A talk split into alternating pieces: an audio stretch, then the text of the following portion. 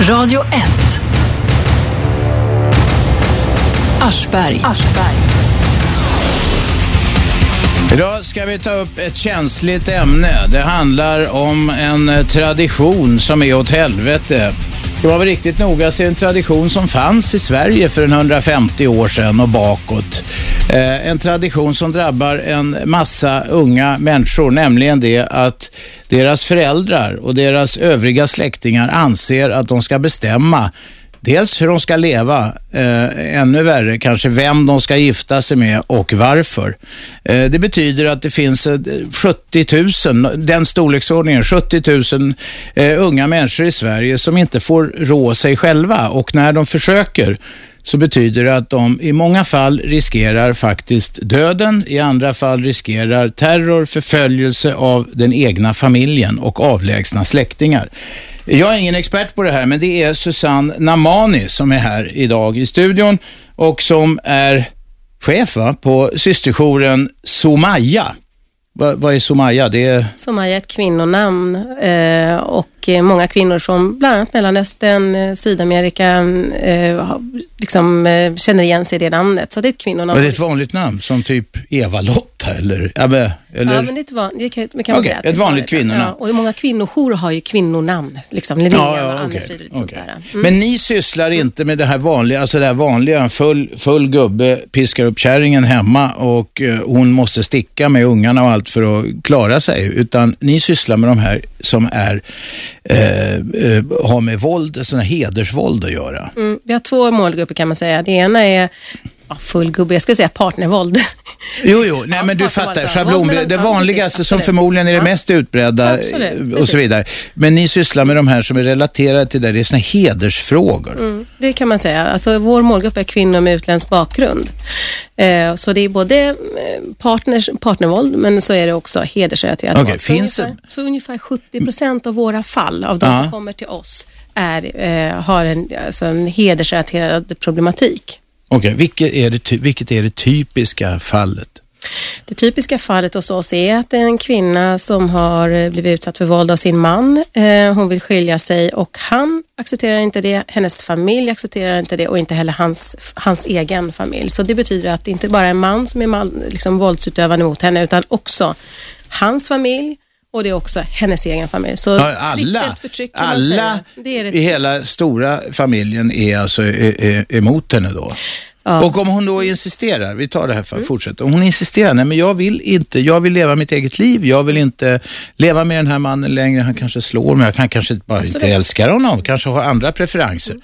Han kan uh, vara eh. homosexuell, ha en annan läggning och inte vara intresse särskilt intresserad av henne. Absolut. Det kan vara vad fan som helst. Precis. Men vad händer då om hon då insisterar, mm. trots släktens, uh, uh, att alla är på henne? Mm. Vad som kan hända, menar du, eller hur tänker du då? Nej, jag, jag, i allmänhet, vad är, alltså de vad utsätts den här kvinnan för när hon inte böjer sig? Mm.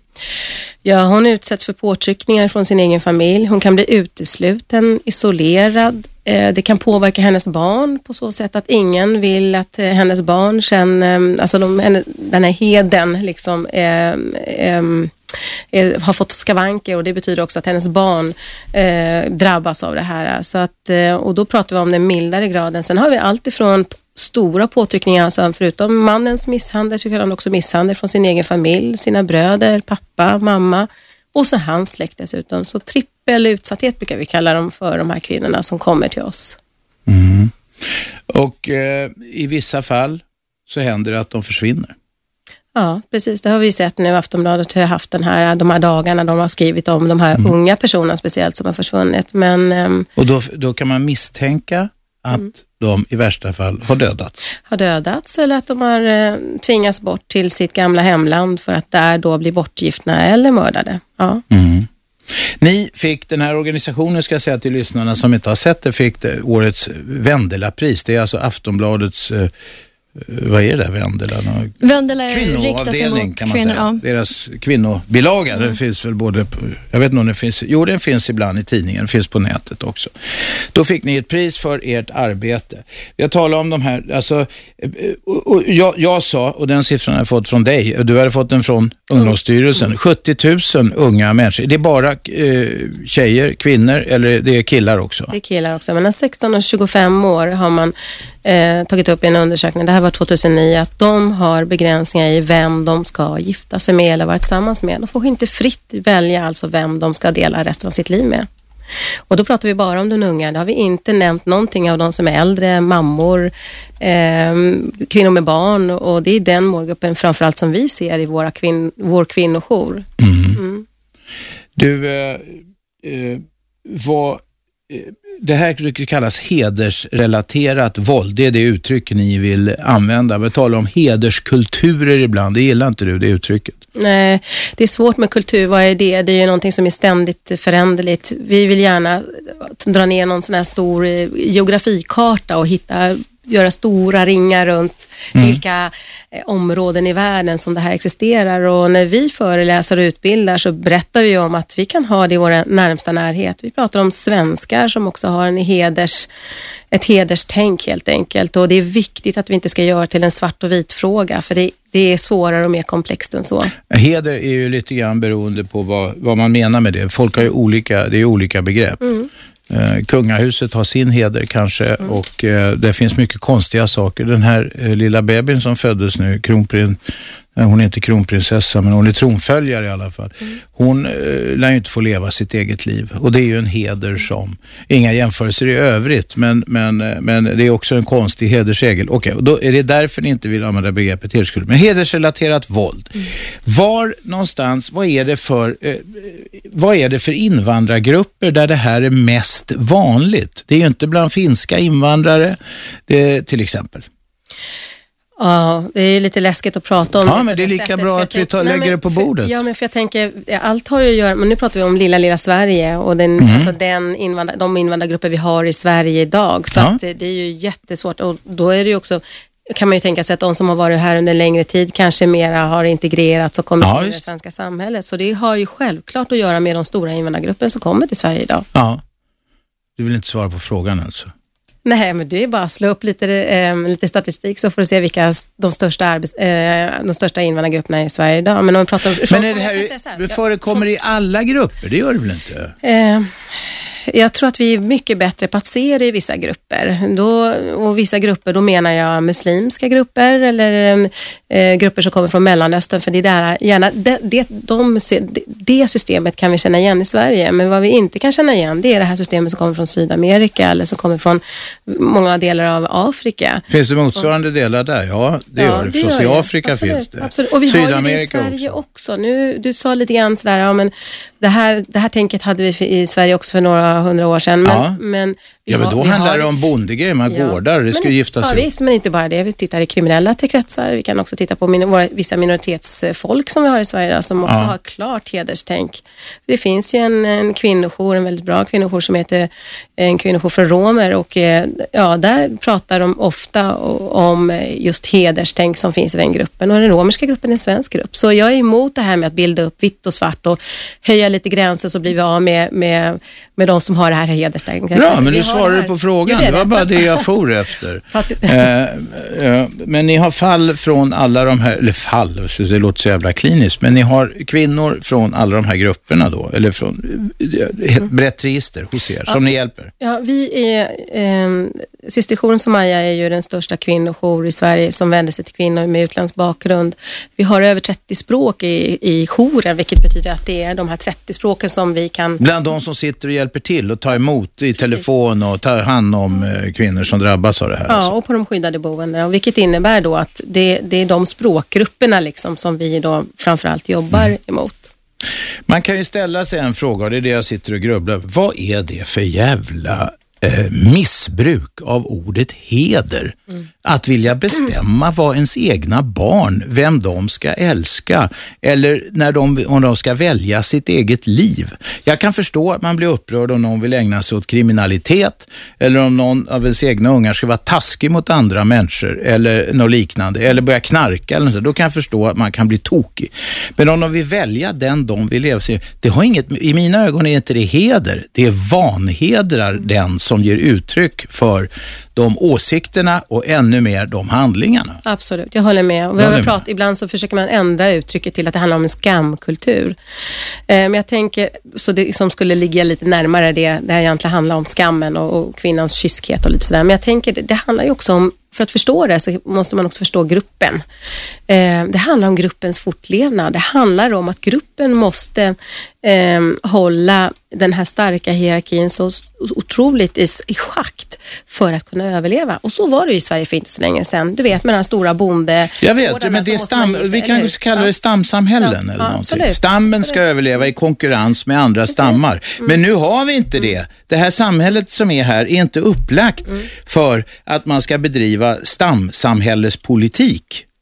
Det är ju inte det. Ja, det var lite roligt. Nej, men, för vi har ett starkt välfärdssamhälle. Men, för, men jag tänker i de här grupperna så, så har de dubbel välfärd. De har den svenska välfärden som finns i det svenska samhället, men de har också en annan välfärd som inte vi har. Vi får inte glömma Ta det. Ta hand om sina gamla och sånt där menar ja, du? precis. Mm. Ehm, att man lånar, alltså privata lån, är mycket lättare på den, mark den, i den egna gruppen än vad det är att knalla ner till någon stor bank till mm. exempel. Mm. Det finns många andra saker som finns i, den här, i, den här, i det här systemet och vi måste förstå det för att kunna också hjälpa och stötta. Mm. Eh, förhandlar ni någon gång?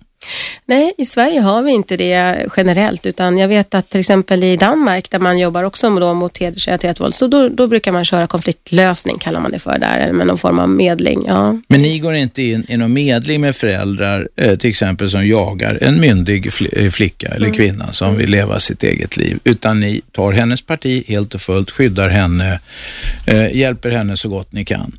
Absolut. Mm. och ber de andra fara åt helvete i, i stort när de försöker kontakta er? Nej, vi lyfter på den frågan och mer att det är andra instanser som har det ansvaret. Socialtjänsten kanske, kommunerna, alltså kommunerna har det ansvaret, polisen kanske, men det där ansvaret det är Vilket inte, ansvar menar du? Ansvaret att eventuellt då medla eller ta, förstå och lyssna yes. på den andra parten. Ja, ja. men om det nu är en kvinna som är 18 år, det finns väl inga, vad, vad ska de medla om? Ja, men jag håller med dig. Alltså, nu kommer jag från en kvinnorörelse och då vet du, då står vi ju helt och klart på kvinnans sida. Eh, medla, jo, vet du vad Roman, det kan nog vara ganska det är väldigt, en, en, en, nu pratar vi ju inte bara om unga personer. Jag skulle vilja gärna, vill gärna att du återkommer till mig och frågar mig liksom, hur ser offret ut? Vi kan, vi kan ja, komma ja, tillbaka till det.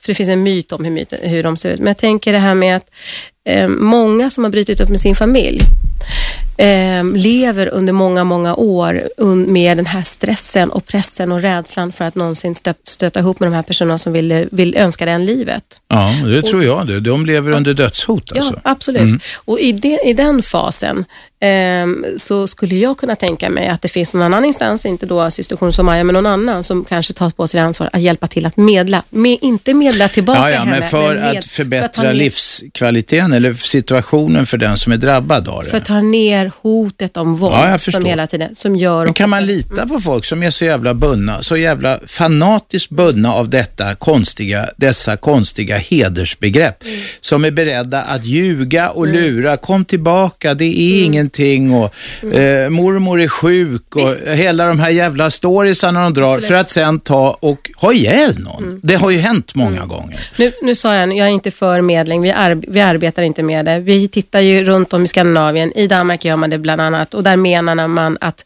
man kan få ner hotet och rädslan hos personer som är utsatt. Okay. Ja, ja. Alla sätt är bra om det blir bättre för den som är drabbad. Vi tar lite reklam nu, sen fortsätter vi tala med Susanna Mani som är chef för systerjouren Somaya som hjälper kvinnor med utländsk bakgrund som drabbas av hedersrelaterat våld. Eh, det här är Aschberg, ni lyssnar på Radio 1. Radio 1. Aschberg. Aschberg. Måndag till fredag 15.00 till 18.00 på 101,9 MHz i Storstockholm på radio1.se om ni har datamaskinen till radio. Och sen finns då appen som heter Radio 1 Ny. I studion har vi Susanna Namani som är chef för systerjouren Somaya.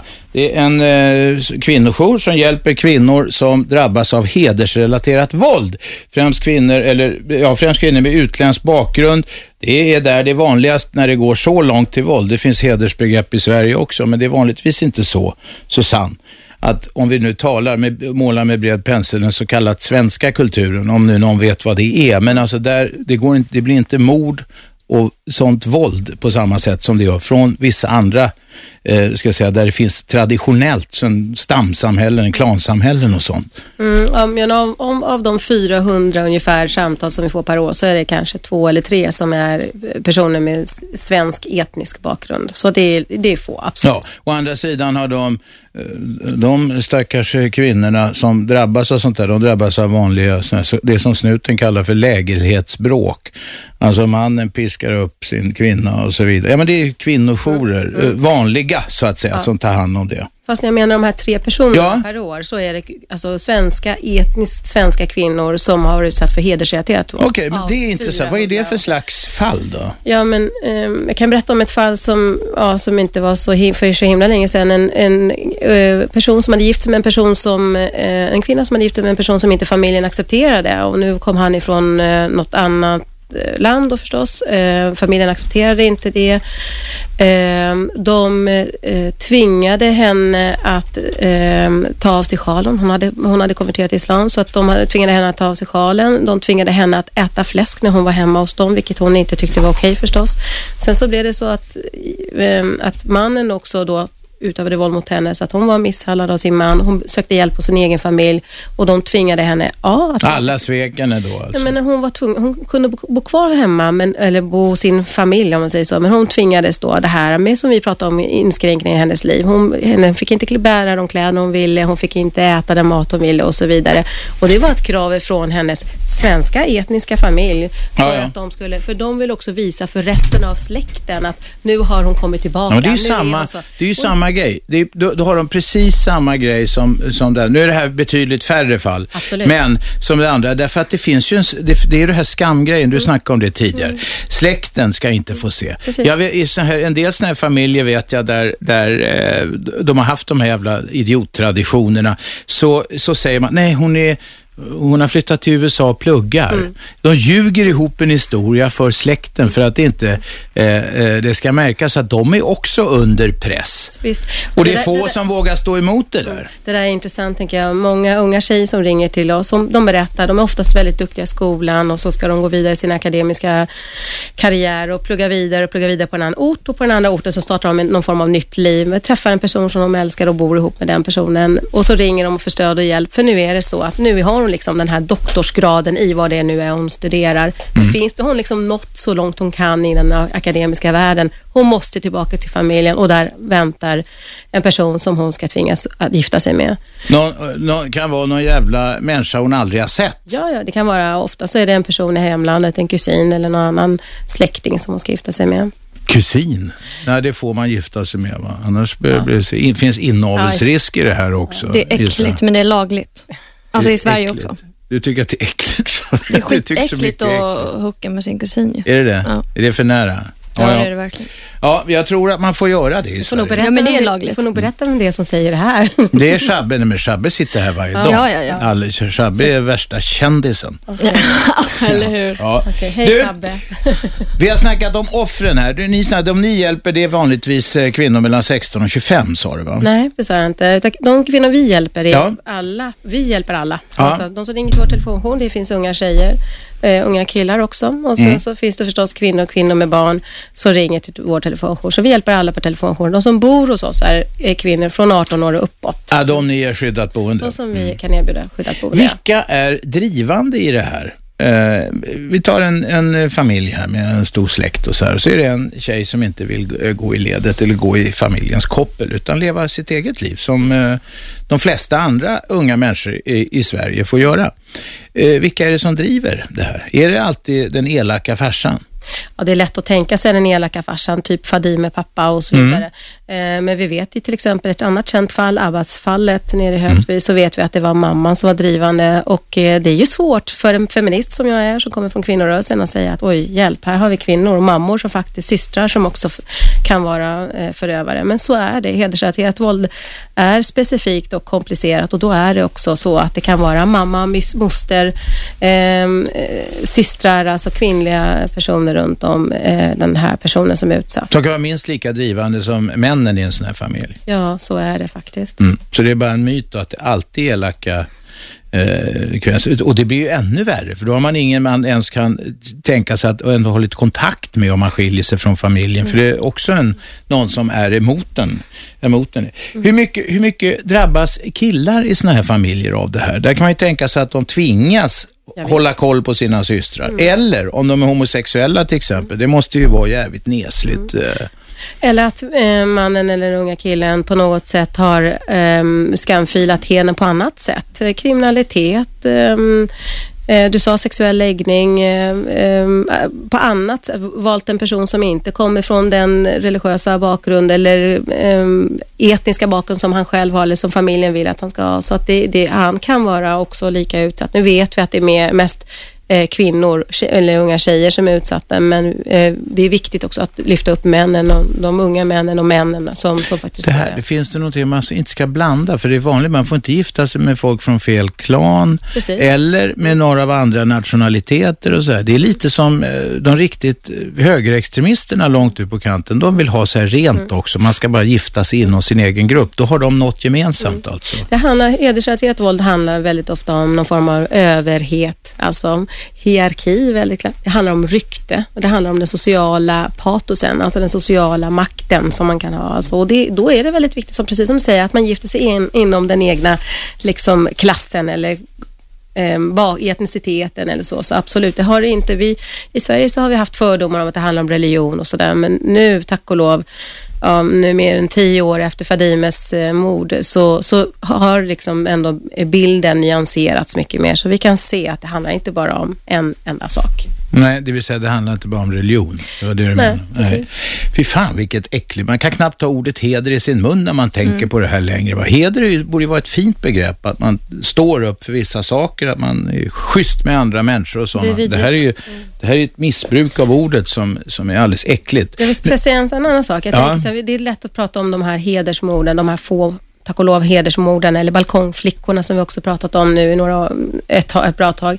Mm. Eh, det, många eh, finns på skyddade boenden. Länsstyrelsen gjorde en undersökning. Då handlar det om mellan 200-300 unga personer per år som finns under skydd. Mm. Men den absolut största gruppen är de som vi inte ser. Det är hon som står nere i receptionen eller hon som jobbar hos oss. Eller, alltså, det Och som ska finns- komma hem på en bestämd tid och Ja. bli inlåst på sitt rum då och så vidare. Ja, så är det. Okej, nu ska vi ta nyheter, sen fortsätter vi att tala lite grann med Susanna Mann. Jag vill höra lite grann vad man kan göra åt det. Vilka åtgärder skulle samhället, var och en, kunna vidta för att underlätta för de här unga tjejerna och killarna och en del äldre också, som drabbas av det här skiten.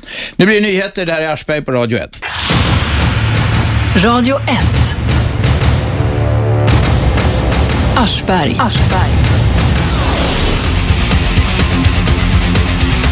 Måndag till och med fredag 15.00 till 18.00. Frekvensen är 101,9 MHz i Storstockholm. Om ni lyssnar vid datamaskinen så går ni in på radio1.se, det är hemsidan det. Och så har vi en app för de som har en sån här modern och dyr telefon. Appen heter Radio 1 Ny. Eller hur Shabbe? Ja, du som är dataungdom. Ja, i studion har vi Susanna Mani som är eh, chef för systerjouren Somaya som hjälper kvinnor som blir utsatta för hedersrelaterat våld. Och det är på alla nivåer. Från att de inte får göra som de vill fast de är myndiga Eh, eh, till att de ska tvingas gifta sig med någon jävla kusin långt borta som de aldrig har sett. Eh, till att de får stryk, eh, riskerar grovt, eh, grovt våld, till att de blir inlåsta, till att de faktiskt i vissa fall till och med kan dödas. Och det kan drabba killar också. Du nämnde fallet Abbas här för, för ett tag sedan. Han hade, hon, eh, nu kommer jag inte ihåg vad det var för grupp, men det var fel, hon hade gift sig med fel kille i alla fall, fel klan eller någonting. De luras hem de är med, alltså familjen kastar kokande olja på killen och hugger sen ihjäl någon fruktansvärt brutal, brutal historia. Eh, och då var de lurade in i det. Så att alla försåtliga medel kan eh, idioterna som tror på det här ta till för att behålla sin så kallade heder, som jag inte är det minsta jävla hedersam överhuvudtaget. Den är bara skamlig i sig. Man försöker tvinga andra människor att göra som man själv vill. Vad gör man åt det här, Susanne? Ja. Hur ska man banka in vett i huvudet på de som håller på med sånt där? Alltså jag tänker att regeringen har haft en del handlingsplaner här nu eh, där man har försökt med bland annat informationsinsatser. Man har försökt, eh, det finns fler skyddade boenden idag än vad det fanns för tio år sedan bland annat. Eh, eh förebyggande arbete på så sätt att man pratar med unga ute i skolan ja, vad ska man göra åt det? Det här är ju någonting som är mm, något som man inte kan göra direkt i en handvändning och jag vet inte, räcker det med information? Räcker det med att de personer som eventuellt ehm, eh, förgriper sig på de familj, familj, på sina familjemedlemmar, räcker det med information? Nej, jag tror ju inte riktigt det. Jag då, har vi, då är jag nästa tror att det handlar steg... om integration. Det, ja. ja. det handlar om integration. Alltså fin, att det ska finnas en möjlighet för de här personerna att komma ut i det normala samhället. Inte de här enklaverna som finns ute i förorterna, utan att det finns en möjlighet att komma ut. Men hur kan man, få får ju bo var de vill. Ska man tvinga får, ni får inte bo med era eh, polare från det gamla landet här. Mm min fortsättning var ju då att, för när man kommer ut och när, jag, får, när jag får bolla mina, hur, hur ändrar jag mina värderingar? Du vet ju själv hur svårt det är att ändra sina värderingar. Jag har aldrig ändrat mina, jag har haft så sunda förband. Nej, nej, jag har ändrat dem många gånger. För det är ju nu, i det här mötet som någonting händer. Jag får höra vad du tycker och tänker om dittan och dattan och så får jag mm. faktiskt en möjlighet att fundera om och så tar jag med mig det hem och så, så diskuterar vi kanske hemma. Mm. Jag tror att det handlar om integration väldigt mycket om vi pratar om det problemet som vi har i Sverige idag. Sen så handlar det också om att Sverige måste visa med hela handen var vi står vi står, det är inte okej okay att utsätta en annan människa för våld. Punkt slut. Är det här någonting som farbror polisen ägnar sig åt? De ägnar sig inte åt så mycket annat menar jag. Ja, en annan sak är ju också att det inte finns någon paragraf mot hedersrelaterat våld. Man kan stoppa in det lite olaga hot ja. hit och dit och sådär, men vi menar ju på institutionen som att vi behöver en särskild lag för eller mot just men, hedersrelaterat Men då undrar jag, för det här är det vanliga politiska sättet. Vi stiftar en lag så är mm. problemen borta. Så funkar Nej. det ju inte. Det Nej. finns ju lagar mot våld. Mm. Det finns lagar mot barnaga. Det finns lag, mm. man får inte låsa in ja, sina barn. Ja, visst, visst. Man får inte mm. hålla på och sätta skräck i dem och så vidare. Vore det inte bättre att bara se till att, till att börja med, att de här tillämpas? Men vänta, får man tvinga sin dotter att ta självmord? Det är ja. klart man inte får. Det, det är klart man inte får. Nej, men hur, vad är det för lagparagraf man bryter mot då? Lite ofredande i så fall, eller? Nej, ja, okej, okej, okej. Det var en liten poäng. Nej, men, ja, det har, ja. visst, du har en poäng. Jag, men... jag menar att straffsatsen är alldeles för låg. Jag menar att, eh, om vi tar då systerkon som Maja, kvinnorna som kommer och bor hos oss, mm. de polisanmäler alltså, 70, nästan 70 procent, knappt 70 procent av de som bor hos oss polisanmäler och fullföljer sin polisanmälan. Mm. Vi har väldigt bra siffror. Det är, det är, för det, det, är ett enormt steg för ja, dem. Det, det är, därför inte 100 procent gör det. Ja, precis. Och det, Antar jag. Ja, och att det har att göra med att vi, liksom, att vi stöttar så otroligt starkt under den här processen. För det, det är väldigt svårt. Problemet är att vi inte har några lagar. Som jag sa, olaga hot en mamma som kommer med en pillerburk med mycket, mycket starka sömntabletter i eh, till sin dotter. Vad är det för något? Är det inte ens är det, det är ett autentiskt fall du talar om? Ja, det är det. Och vad jag menar då är att, ja, nej, det handlar inte bara om att ha tjock eh, lagbok och dunka huvudet på personerna, utan det handlar ju faktiskt om att, ha, för det första, pratar vi om rätt sak? Pratar vi om hedersrelaterad brottslighet, då måste vi ha någonting som polisen förstår att det här är, det här är just det vi pratar om. Har vi den, den lagen så kan vi också komma med insatser för att styra upp det här på något Fast sätt. lagföringen blir kinkig där, för bevisföringen blir jävligt knepig. Det fixar vi lätt som ett bett. Nej, det gör ni inte. Jag, jag, jag, önskar att det var så lätt, för i så fall skulle jag kunna stödja dig på den där. Men mm. jag, jag, skulle, jag skulle i alla fall säga att jag tror inte att polisen ens bryr sig om att tillämpa de lagar som finns.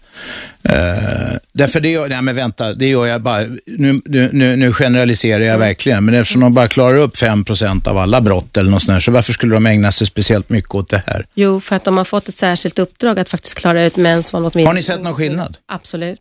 Ja, vad bra, det har då vi sett får jag gratulera. Ja, men nu så är det utredare som är på plats inom två dagar så har vi utredare, alltså polisen som kommer att knacka på vid förhöra kvinnor. Så var det inte för fem år sedan. För fem vad bra, då, det betyder att det lönar sig alltså att ta fighten för ja. de tjejer som vill och vågar det. Precis, och det är Ja. det jag menar. Men då jag menar att vi inte har, vi har inga tänder i den här lagtexten. Vi, visst, vi kan prata om lite hot och vi kan prata lite om misshandel. Och vi kan, nej, men vi måste stoppa in det som är hedersrelaterat våld. Ryktesspridning, olaga hot, det här med att tvinga en annan människa att göra saker som den inte vill. Det finns inte i den lagtexten, lagtexten som vi har idag. Och nu är inte jag ute efter, liksom, nej, jag är ingen politiker som bara vill eh, liksom, pimpa ihop en lag. Det är inte det det handlar om. Det kanske kan gå under de lagar som vi redan har, som eh, kvinnofridslagarna som vi har, som är, som är bra. Men de tillämpas inte, för det handlar om ett kollektivt våld. Det handlar inte om en partner. Nu sa, förlåt, nu sa du precis det jag sa nyss. De tillämpas inte. Nej, de lagar som vi har idag. Ja. Eh, för det går inte, för det är ett kollektivt våld. Den kvinnofridslagstiftning som vi har, det handlar om två parter. Ja, ja, det vanliga. Partner. Mannen slår frun, det är vanligaste kvinna fallet. som slår kvinna eller man som slår Ja, ja, kvinna som slår man förekommer Ja, också, visst. men ja. Men nej, inte när det är ett kollektiv. Nej, det är svårt. För vem ska vittna? Vem ska ställa upp för den här eh, offrets, till offrets fördel och sådana saker? Mm, men- Det där måste man ju tränga in i på ett helt annat sätt. Men det är inte där det bristen är. Bristen är inte att kvinnorna, eller de, det är ju kvinnor som kommer till oss, så Ja. att de inte talar, att de inte pratar. Det är inte det som är problemet. Problemet är att det inte finns en lag som matchar dem. Okej. Du har ändrat mig. Jag är med på att vi gör en ny sån här lag. wow, om jag får Robban Aschberg Nej, det betyder då... inte ett jävla skit. Det är snarare kontraproduktivt. Ska Är det? Oj. Ska vi börja ta lite samtal? Visst. Fast först vill jag... Först vill jag... Du hade med någonting. Jag Ja, såg, jag såg nämligen på Twitter så det var ingen överraskning. Det Nej, bara, ökade min förväntan. Jag tänkte säga det, ni som inte följer Susanne Onsomaja, gör det, för här twittrade jag Säg det en gång till så får du fler så kallade följare. Okej, vill ni följa Susanne Onsomaja så gör det. Där berättar jag Mm. om, om olika problem som kvinnor som kommer till oss har. Eh, vi finns också på Facebook, systerjouren Somaja. Kom med. Jag har med mig en rosa present Ett till dig rosa Robban. paket till Eh, gamla gubben här. Mm, jag har ju hört att det finns en, en födelsedagsbarn här. Alltså jag Oj, nej, men det var länge sedan. Vi kan ju inte hålla på och fira det. För...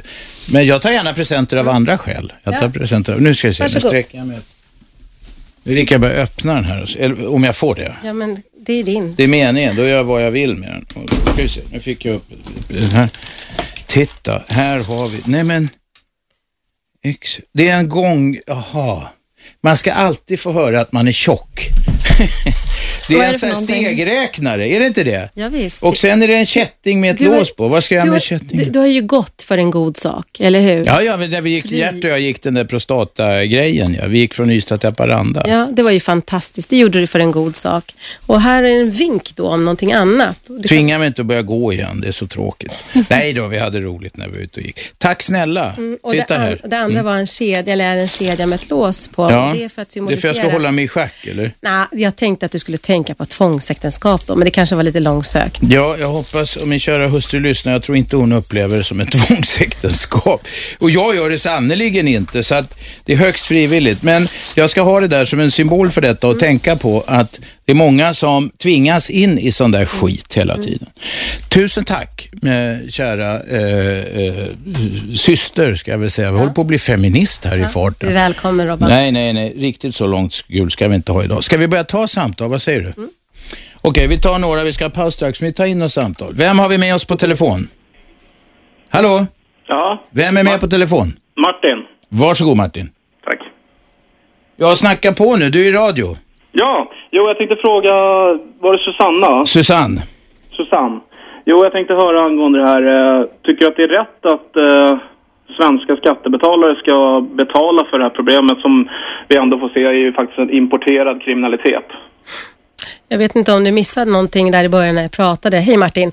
Eh, det är ju inte ett importerat problem, utan det är ett problem som vi har i Sverige idag och då måste ju vi använda skattemedlen för det. Ja. Jo, fast det är ju inte svenskar eller tyskar eller japaner främst som sysslar med det.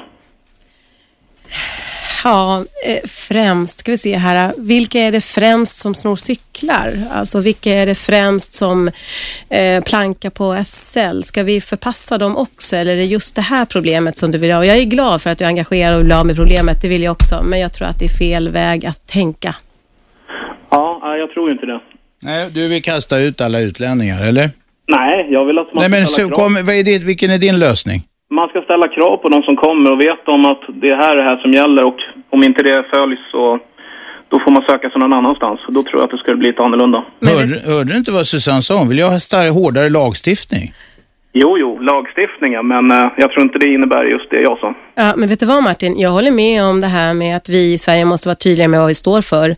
Eh, om vi pratar om samhällsundervisningen för de som är nykomna till Sverige så tycker jag det är jätteviktigt att den blir relevant och ärlig och verklighetsförankrad. Så visst, det håller jag med om. Det här, så här, det här står Sverige för, du får inte och så vidare och så vidare. Vi har varit alldeles för dåliga på att ställa krav Eh, och också visa på att du, de, de nya personerna, nyinvandrare om man säger så, också kan vara en resurs i det här landet. För är de resurser, om vi ser på dem som resurser, de kan komma hit och förändra, de kommer komma hit och hjälpa oss med många olika saker som, som vi behöver. Då finns det också en möjlighet att, att faktiskt förändra dem. Det är vad jag tror.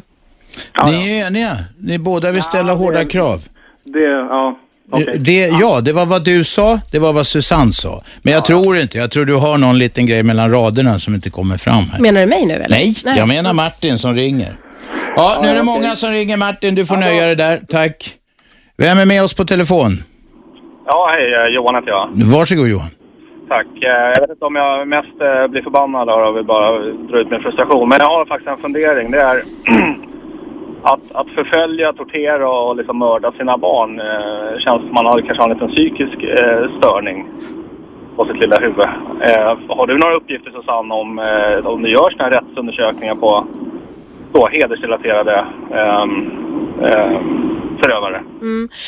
Eh, tack för frågan. Jag tänker det att eh, efter, vi pratar ju sällan om, eh, alltså i rättsprocessen så pratar man sällan om hedersrelaterade fall just för att vi inte har en, en brottsrubricering utan det är ju vi, gemene man och massmedia som pratar om hedersrelaterat våld.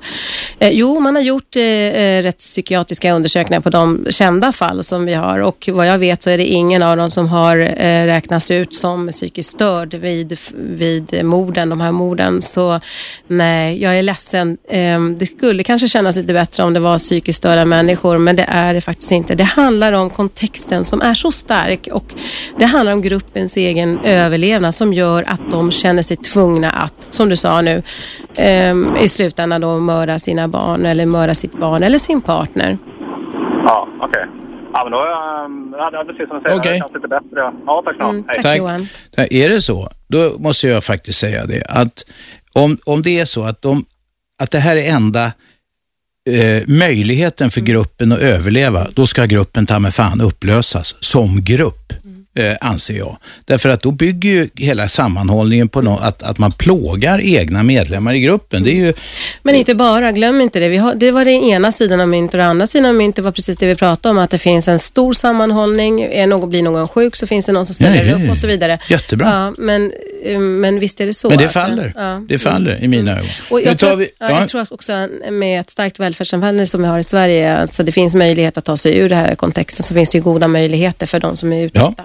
Ja. Eh, 0211 12 13 fortsätt ringa. Vi har Susanna Mani från systerjournen Somaya med oss i studion och hon svarar gärna på era frågor. Nu ska vi lite, ta lite reklam. Jag plockar upp samtal i pausen. Det här är Aschberg på Radio 1. Radio 1. Aschberg. Aschberg. Måndag till fredag 15.00 till 18.00. Frekvensen i Storstockholm är 101,9 MHz. Ja, det går via radio1.se också. Susanne Namani som är chef för systerjouren Somaya sitter i studion beredd att ta eh, lyssnarnas frågor. Det handlar om hedersrelaterat våld. Eh, ni minns dem? Fadime, Pela, eh, Abbas, det finns eh, några till. Jag kommer inte ihåg alla i huvudet. Men det är alltså toppen på ett isberg bara av de värsta fallen som vi känner till. Det finns några andra som vi säkert inte känner till där det har varit lika våldsamt brutalt slut på eh, tragiska kärlekssagor eller bara att någon ung tjej eller kille har velat leva sitt eget liv eh, eh fritt från eh, gamla riter och skit som kommer från ursprungligen från de gamla stamsamhällen. Eh, nu har vi med oss eh, Emir, varsågod.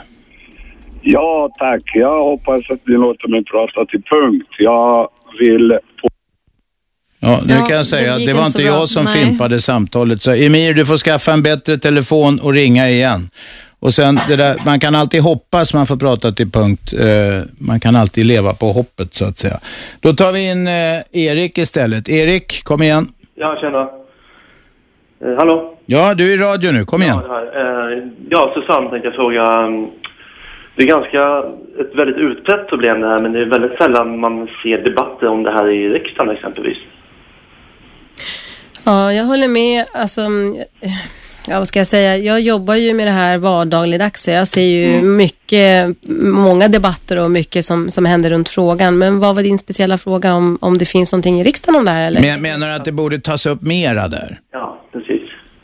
Ja, fast jag skulle nog säga att det skulle nog behövas att vi gemene man mer pratar om det. Vi som är nere på ICA och handlar och vi som liksom sitter på pausrummet eller är på gymmet eller så, att man faktiskt ställer frågan och ser de här personerna som kanske är utsatta. Du har kanske en kompis i ditt basketlag som, som helt plötsligt kommer fem efter sommaren och är, har en ring på fingret och är gift med någon person i sitt hemland och så. Så att jag tror att vi gemene man mer behöver prata om det och inte vara så rädda att ställa frågor runt det. Det enda parti man har sett som har tagit upp det, tycker jag, det är Sverigedemokraterna som söker liksom kontakt i den här frågan. Men de saknar ändå trovärdighet, tycker jag, i det här. Eh, ja, ja, alltså nej, det är ju, jag menar, eh, vi har Alliansen som har kommit med en, en, ett handlingsprogram nu i flera år i rad, där man eh, speciellt har pratat om åtgärder mot hedersrelaterat våld. Vi har Vänsterpartiet som har haft många motioner och mycket aktiva just speciellt i Stockholms stad då, runt den här frågan. Och sen så har vi ju också Alltså, så jag tror i, i, i politiken så finns det en enighet runt den här frågan mer än vad den finns inom faktiskt den rörelse som jag själv kommer från som är kvinnojoursrörelsen.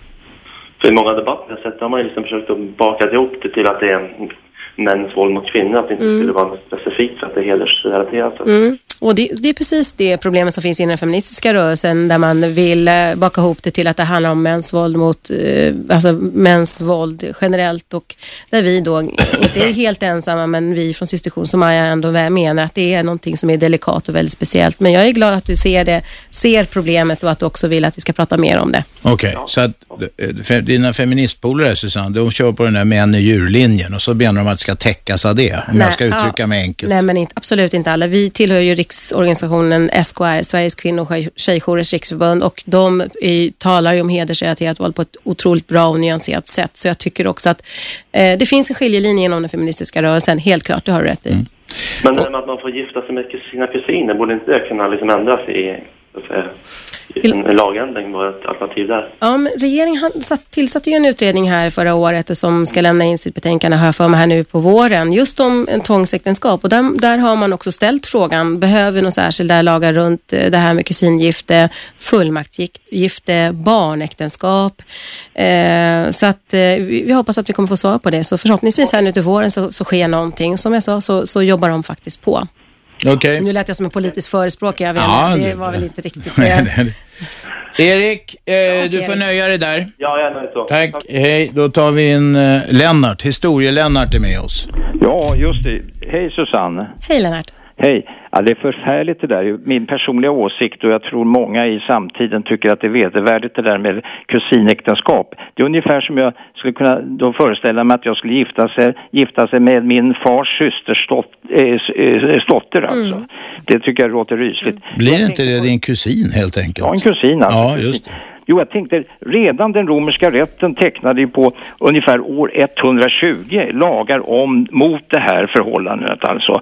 Den berömda statsjuristen eh, Salvius Julianus förklarade nämligen, förstår du Susanne, att äktenskapen skulle inte ingås genom tvång utan genom makarnas samtycke. Och, och nu kommer det väsentliga. Och den unga flickans fria medgivande var ofrånkomligt i dess ingående. Vet du vad, det där, det där står i Koranen också. Så att, eh, det där står i Koranen också faktiskt. Så att, eh, ja, inte bara på romarnas tid. Det, har inte, det känner jag inte till. Ja. Då har de eh, kopierat det för att Koranen skrevs ju senare Ja, än det just här. Eller Ja. hur? Det var väl en för, med, Ja, ja. Koranen uppstod ju på fyra... Men du, alla de här religiösa grejerna står så jävla mycket som man kan tolka hur som helst. Så det där hade vi långa diskussioner om igår. Det västerländska samhället bygger på, det är juridiska vagga va? Ja. Det är romersk rätt. Man tog det från de tolv tavlorna och sin tur tog Lennart, man det från Lennart. Lennart, nu är du inne på en föreläsning. Vänta ett tag nu här. Men nej, det, är, det är du som ska vänta, Lennart. Det här är ju viktigt med... Ja, det är viktigt som fan. Det var väl bra att du upplyste om att redan i den romerska rätten så slogs det fast. 120, det var under kejsar Adrianus som Ja. till 136, år 136. Lennart, jaga inte upp dig nu. Vi ska ha nyheter. Jag tackar för den viktiga upplysningen. Jag tror det kommer fråga. Ja, det är många som tycker är viktigt, Lennart. Kom inte in med Koranen i det här sammanhanget. Nej, men Susanne sa att det står i Koranen också. Hon har lite böjelse för sånt. Vilken, vilken sula då? Vilken ska jag kolla det? Ja, men kolla det. Men, nej, men herregud, tror du inte... Ja, det jag tror hon förvanskar det där. Det är sån här typiskt sån här jävla ränkspel. Okej, ni ska ha tack hörni. Ja, ja, Jag trodde det skulle komma, det kom ingen fråga där Robban. eller? Nej, men Lennart vill gärna berätta Ja, hur det är i historien. Ja, men det här Nu, och det, det var väl intressant att Mm, var höra om absolut, romarna. Nu absolut. tar vi nyheter i alla fall. Fortsätt ringa 0211 12 13. Jag heter Aschberg och det här är Radio 1. Radio 1. Aschberg. Vi talar om hedersrelaterat våld mot uh, unga kvinnor och unga pojkar och en del äldre också. Vi har Susanne Namani med oss. Hon är chef för systerjouren Somaya som ägnar sig speciellt åt uh, att hjälpa offren för, för den här typen av våld. Och nu, är det folk, nu får folk ringa in uh, och tala med Susanne. Vi börjar med Maria. Varsågod. Ja, hej. Eh, Nu har jag nästan glömt bort vad jag ska säga för nu har jag ny, nyheter och allt möjligt här emellan. Men eh, hej Susanne, jag skulle vilja fråga dig eh, för jag sitter och tänker på när, du, när man, ni berättar om den här problematiken och sen så eh, när du har berättat klart om det så säger du så här att men glöm inte att vi ska se det som en resurs. Och, då, och jag undrar, eh, vilka är vi? Nej, jag, och för det första undrar jag vilka vi är och för mig, hur kan man se det som en resurs? mm, för jag sa, vi, vi ska Det se det dem liksom som... Ja, det är ju en ska- problematik som vi får in som är till för problem. Nej. Hur kan det bli en resurs? Okej, om vi tänker så här. Eh, de personer som kommer hit med de kulturella föreställningar och eh, med, med ett hederstänk, hur kan vi nå dem? Hur kan vi få dem att förändra det här tänket? Jo, ett, ett, en del är ju förstås det som vi har pratat om tidigare, det här med att Sverige tydligt ska peka med hela... vi? Vänta lite, låt henne svara först. Du får komma in sen Maria. vi, nu, jag menar vi i Sverige, vi som lever här i Sverige. Så, det är det som är vi. Inte vi kvinnojouren och inte jag och min familj, utan vi i Sverige.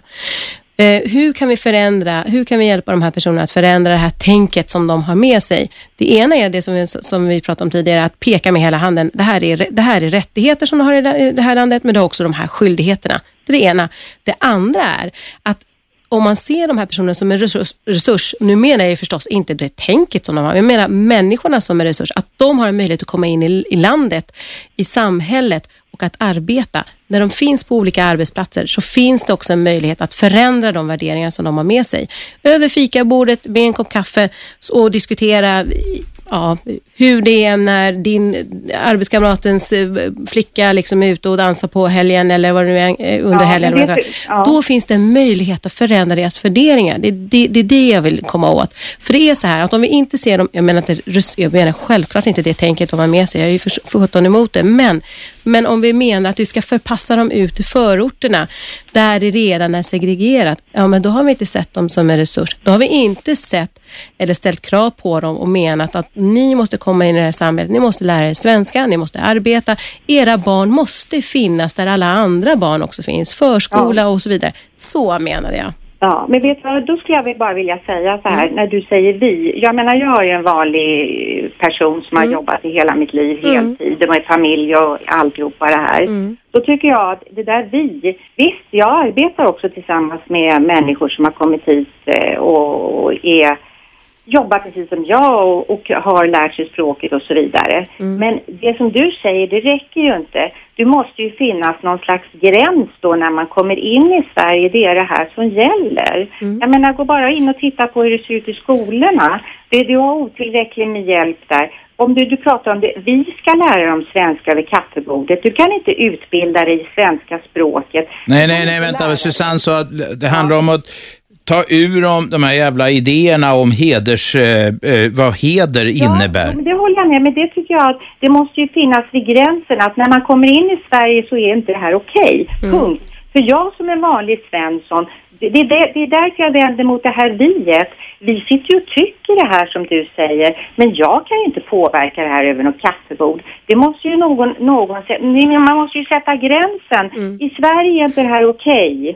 Men det, men det var det precis jag sa, att det handlar om att det här- är dina Jo, men- skyldigheter ja, och dina jag- rättigheter. Ja, jo, och men sen- Mm. det, jag vill åt det att jag tycker man slänger sig med, och, eh, med de här orden vi och ni och resurs och hej och hå.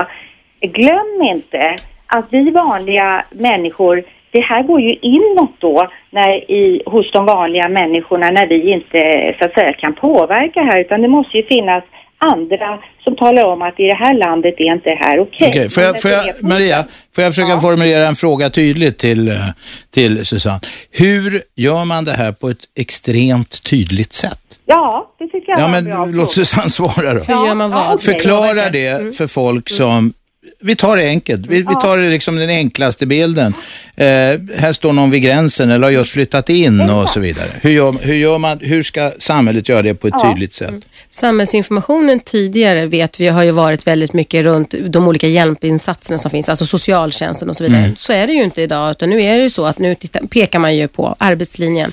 Jag menar att, det, att skyldigheter och rättigheter i landet, ja det är viktigt att tala om vad Sverige står för för, be, för ben. Att det är ett demokratiskt land. Vi förutsätter att du tar del av samhället och också bidrar till samhället. Inte bara genom att arbeta men också att komma in i samhället.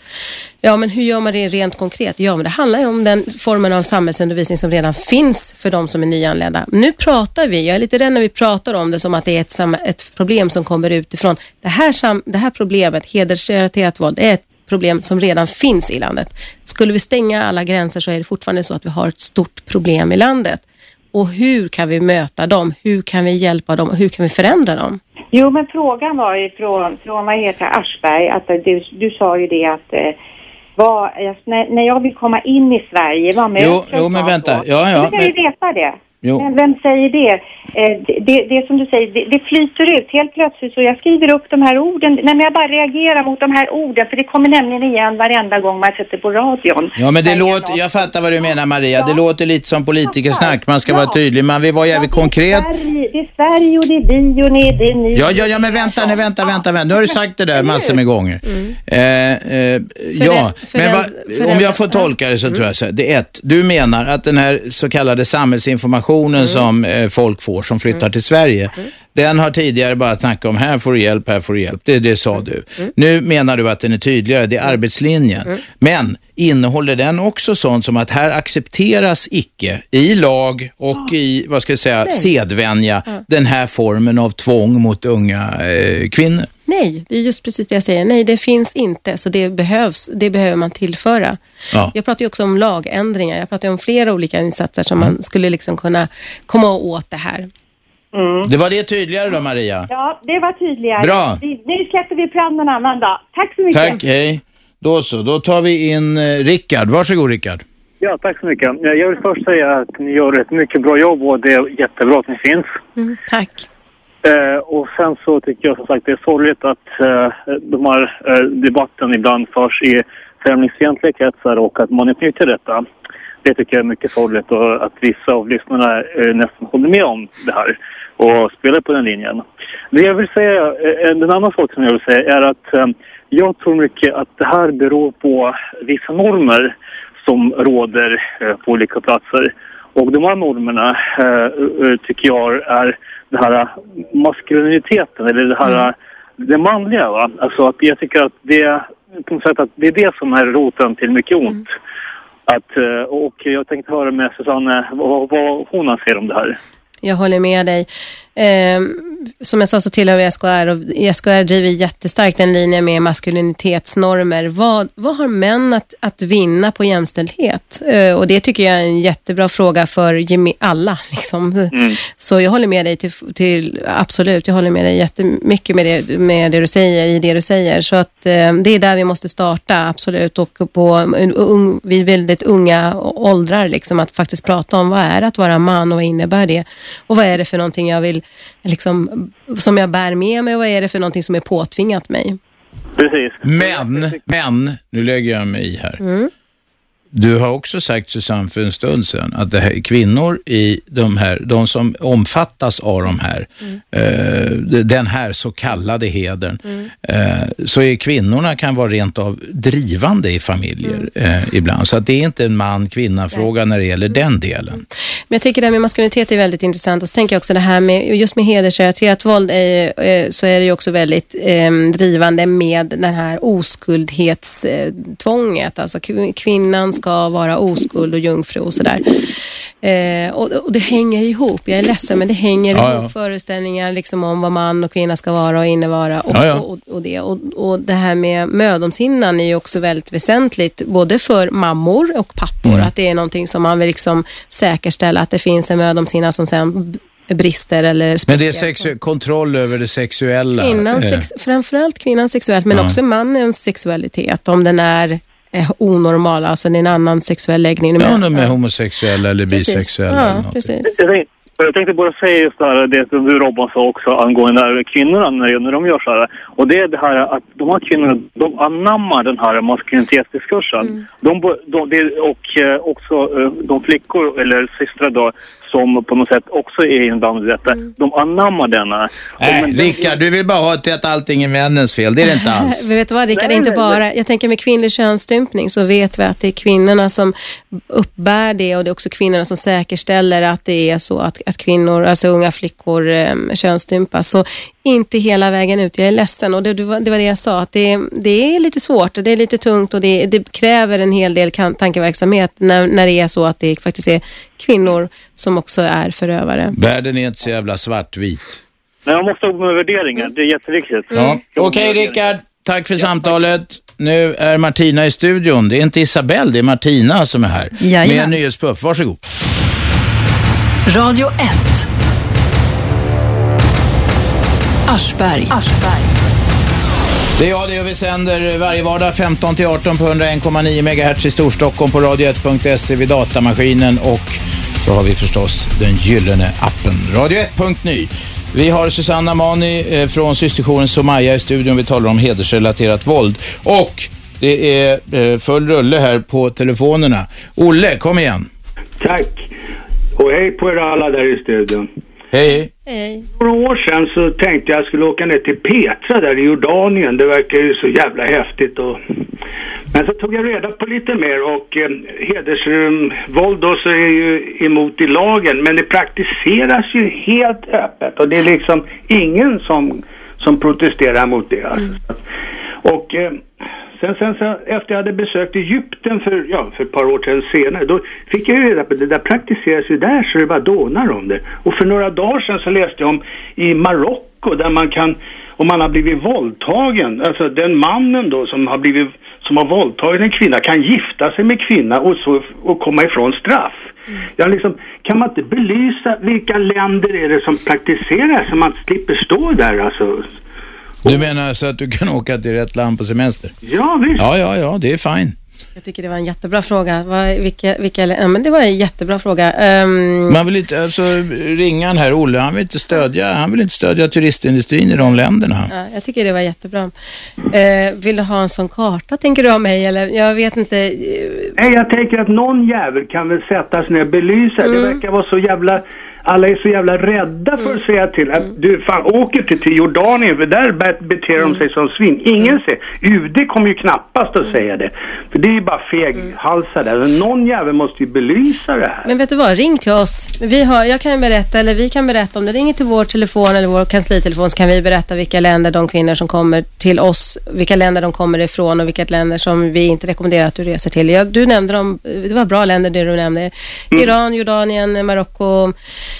ja, vissa länder i Sydamerika. I Brasilien var det för inte så himla länge sedan också de hade den här lagen. Att de, Sudan har jag varit, eh, har jag varit ett par gånger. Där är det mycket könsstympning, absolut. stenhårt. Ja, ja, visst. Jag säger som, som, som jag sa, ring till oss så ska du få lite tips. Men jag vill bara säga att i Brasilien så hade de ju också den här lagen med att man, om man gifter sig med förövaren. Vänta, vänta. Till, all, till, till, någon, till någon lista som- som någon jävel kan titta Ja, men det, nu har inte, systerjourerna har inte gjort någon sån lista över världens länder. Men de väntar nu. Du, du, Olle, Olle, Olle.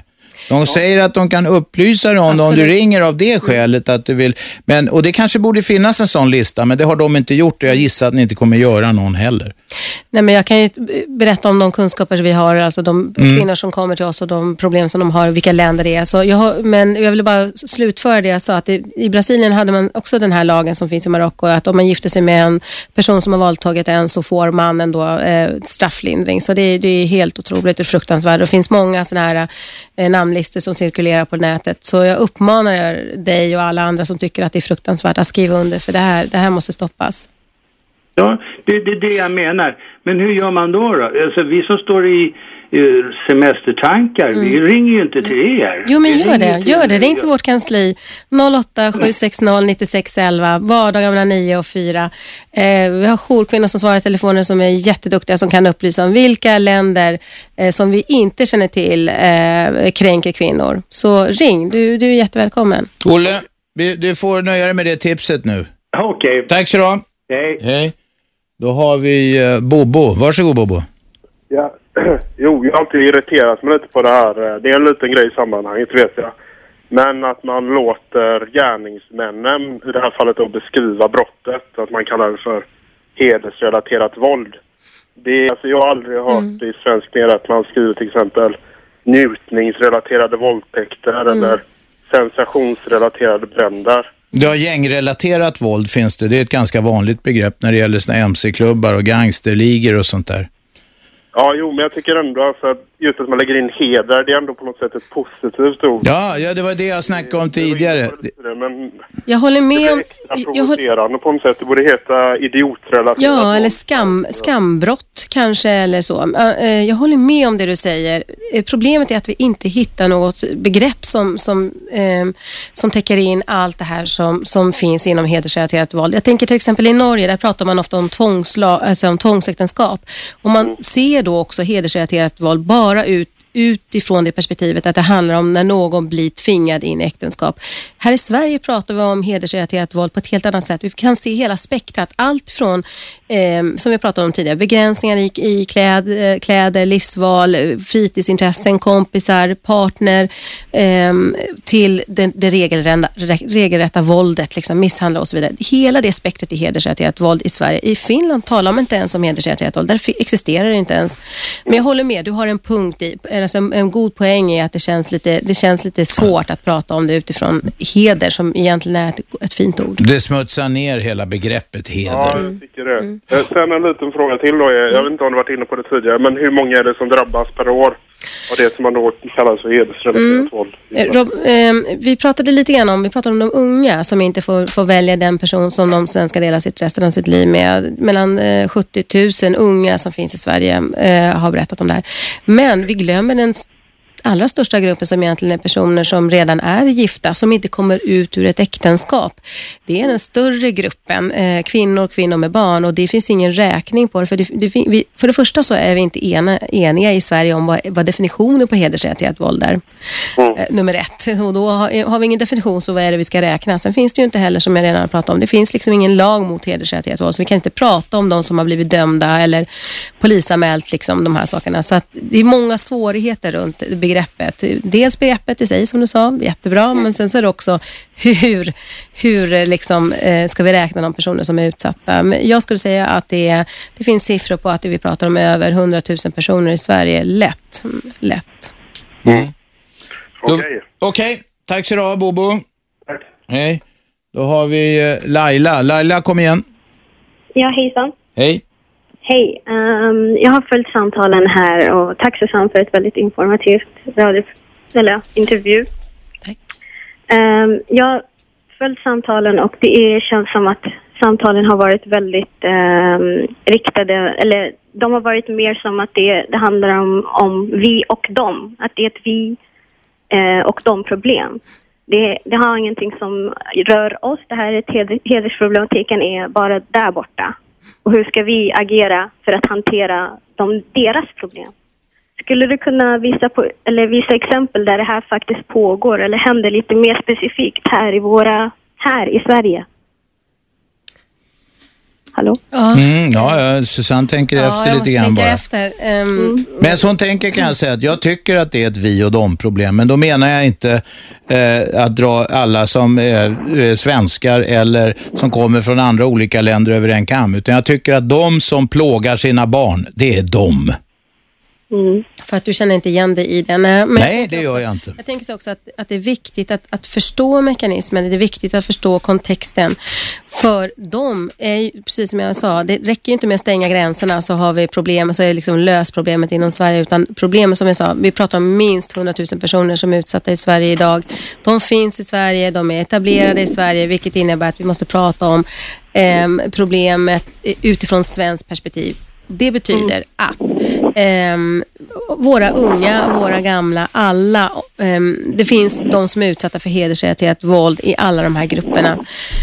Ehm, ja, det, jag tycker det är svårt. Robban, kan du hjälpa mig lite? Jag vet inte vad, vad ska jag säga. Liksom, kan du förklara vad du... Men vad menar du med vi och dem? Det är ingen här som har sagt, ja möjligen någon ringare som har sagt att det är liksom alla invandrares fel, men här har ingen sagt det. Tvärtom, Susanna har snackat om att det är dels, jag inledde med att säga att det här är en tradition, det fanns i Sverige också på stamsamhällets eller bondes, alltså det är riktigt för länge sedan.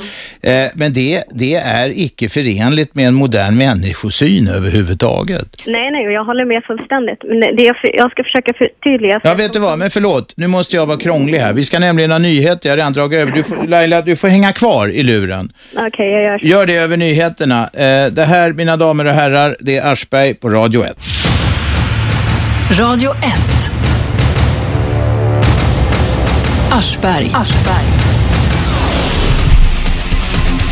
vi eh, talar med eh, Susanne Namani här som är chef för eh, systerjouren Somaya. Eh, jag heter Aschberg och om en liten stund kommer en överraskning. Vi ska ha en specialgrej, en liten utvikning i programmet. Eh, men det ska jag berätta om alldeles strax. Vi hade Laila med på telefon.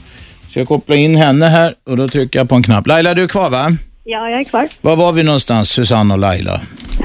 Eh, jo, jag kommer ihåg. Du Ja. nämnde att du, du sa att det var ungefär lika, det såg likadant ut för hundra år sedan här i Sverige.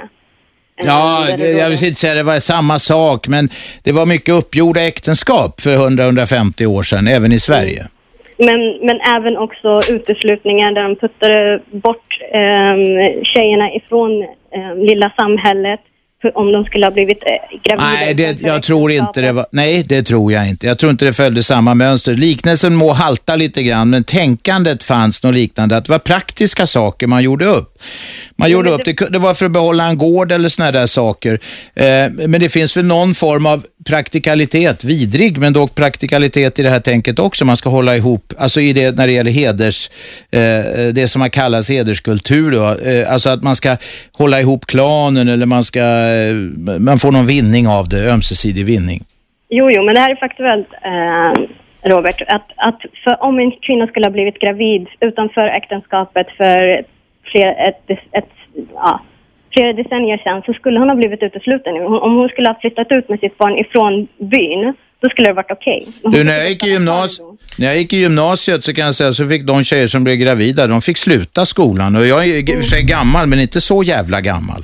Precis, och det är ungefär det här det handlar om. Det är därför jag inte, det är därför jag försöker, om, om vi ser en familj med nazistiska eh, tankar eller tankesätt eh, och deras dotter eller deras son skulle bli tillsammans med en person som är svarthyad. Mm. Hur skulle de ha agerat då? Hur, vilka åtgärder skulle de ha gjort? Kanske inte gått så, länge, så långt som mord, men i alla fall vidtagit starka åtgärder. Ja, ja, det hade, nog, det hade nog gått på deras så kallade heder. Men jag tänker också, jag tänker, hej, jag tänker Laila, jag tänker också att ehm, eh, man kan också se det i vissa eh, HBT-familjer, alltså pers- person, när det finns en person som ska komma ut i den familjen, i en svensk etnisk bakgrund om man säger så, så finns det också så, eh, är det ju många homosexuella eller mm, homobit, transsexuella personer som berättar om svårigheter och rädslan för att kanske bli förvisade från familjen och inte få vara med Mm. vid julmiddagar. Så visst, jag håller med dig i mångt och mycket Mm. runt det, om det skulle liksom, om man ska kalla det för någon form av hedersvåld också förstås.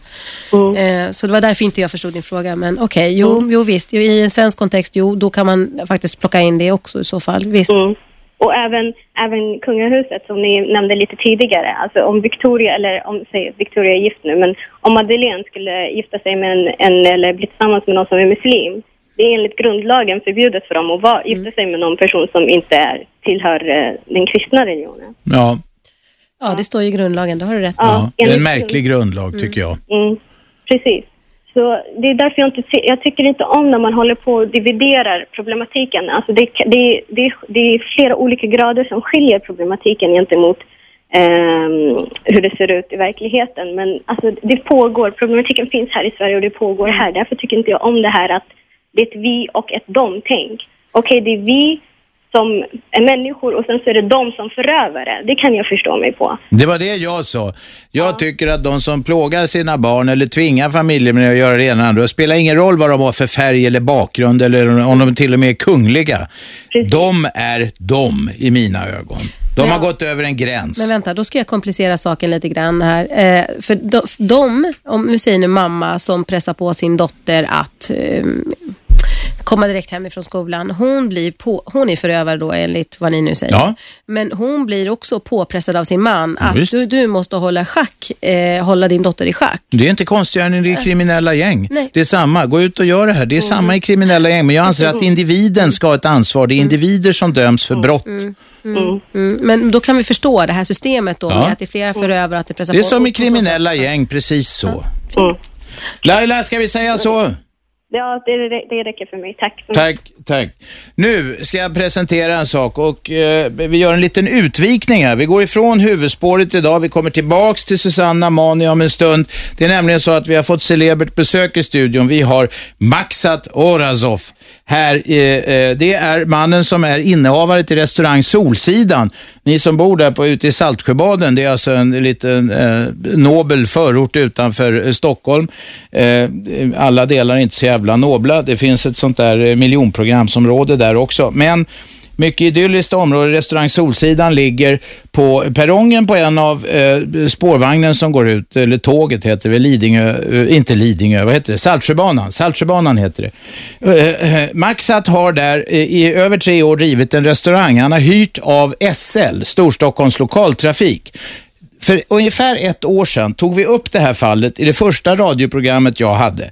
Då var det nämligen så här att, ja välkommen hit förresten Max, jag babblar på så jävla mycket så, så säg hej till lyssnarna. Hej hej. Hej hej. Jag ska bara försöka sammanfatta innan vi går in och snackar. Då var det så att eh, förvaltaren åt SL, vad heter de, SL Fastigheter va? Gerald Reuter, ja. Ja, han heter, eh, han heter Herald Reuter. Han eh, hade eh, sagt till Maxat att vi måste höja hyrorna här kraftigt, så mycket så att krogen inte ska gå att driva längre. Men det skulle kunna gå att lösa om han betalade en hel del pengar, cash, till just denna Herald Reuter. Maxat var inte sämre än att han bandade det här samtalet. Tyvärr är Maxat ingen ljudtekniker. Så det där samtalet blev jävligt ruttet bandat. Vi ska lyssna på eh, eh, eh en del av det här. Va? Eh, vi, vi ska se vad han... Eh, jag, jag tar någonting av de grejerna som vi, vi eh, hade här. Eh, jag skriver, ska se, jag skriver avtal, en bra lösning. Ingen kom, Vi ska ta så här... Eh, Eh, ni får inte gå ut med hyrorna. Jag har en massa bitar av det här. Vi kan ta någonting här eh, som låter så här. Oj, nej, nu får jag spela om den. Titta, jag, det är för många knappar här. Jag, maxat, jag skröt just för Maxat att jag har lärt mig det här på ett år. Det har jag ju inte. Om ett år till får du komma tillbaks. Då kommer det flyta på här. Här har vi, här har vi en grej i alla fall. Lyssna nu. Jag måste agera nu jag måste ta beslut nu. Jag honom. Ja, det var kort. Jag måste agera nu. Han eh, pressar dig på att göra grejer. Sen har vi eh, ytterligare ett litet klipp ur det här. Eh, eh, och det låter så här. Det är så. Eh, nästa onsdag, då måste vi gå ut senast. Nästa onsdag måste det bli klart. Eh, eh, här har vi ett klipp till. Kommer att veta. Okej, åt mig. Jag är inte särskilt? Ska vi göra så? Ingen kommer att veta, säger Haldard Reuter. Eh, ingen får gå ut med hyrorna. Det låter så här. Vi får inte gå ut med hyrorna.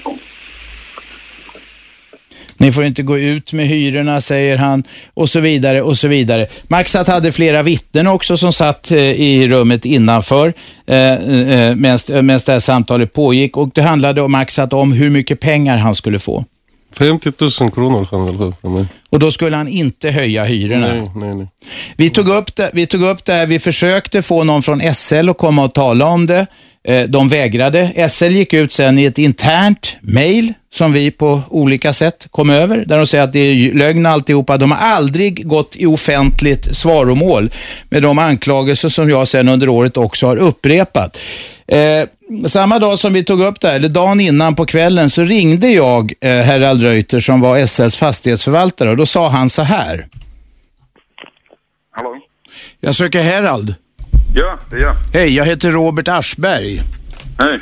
Du, jag ringer om eh, eh, en eh, person som du känner till som heter Maxat på Bistro Solsidan. Mm. Han eh, bandade ert första samtal. Där ni, där ni gör upp om eh, pengar till dig. Vad sa du? Jo, han spelade in ert första samtal när ni gör upp om pengar till dig för att han ska Mm. få behålla hyran. Mm. Och jag lyssnar på hela det bandet. Okej. Så jag undrar om du skulle vilja komma till eh, radiostudio, en radiostudio imorgon där jag sänder ett program. Nej, ingen intresse i det. Du har inget intresse för det? Nej. Men det, det, ni gör ju upp om en muta. Nej, men det spelar ingen roll.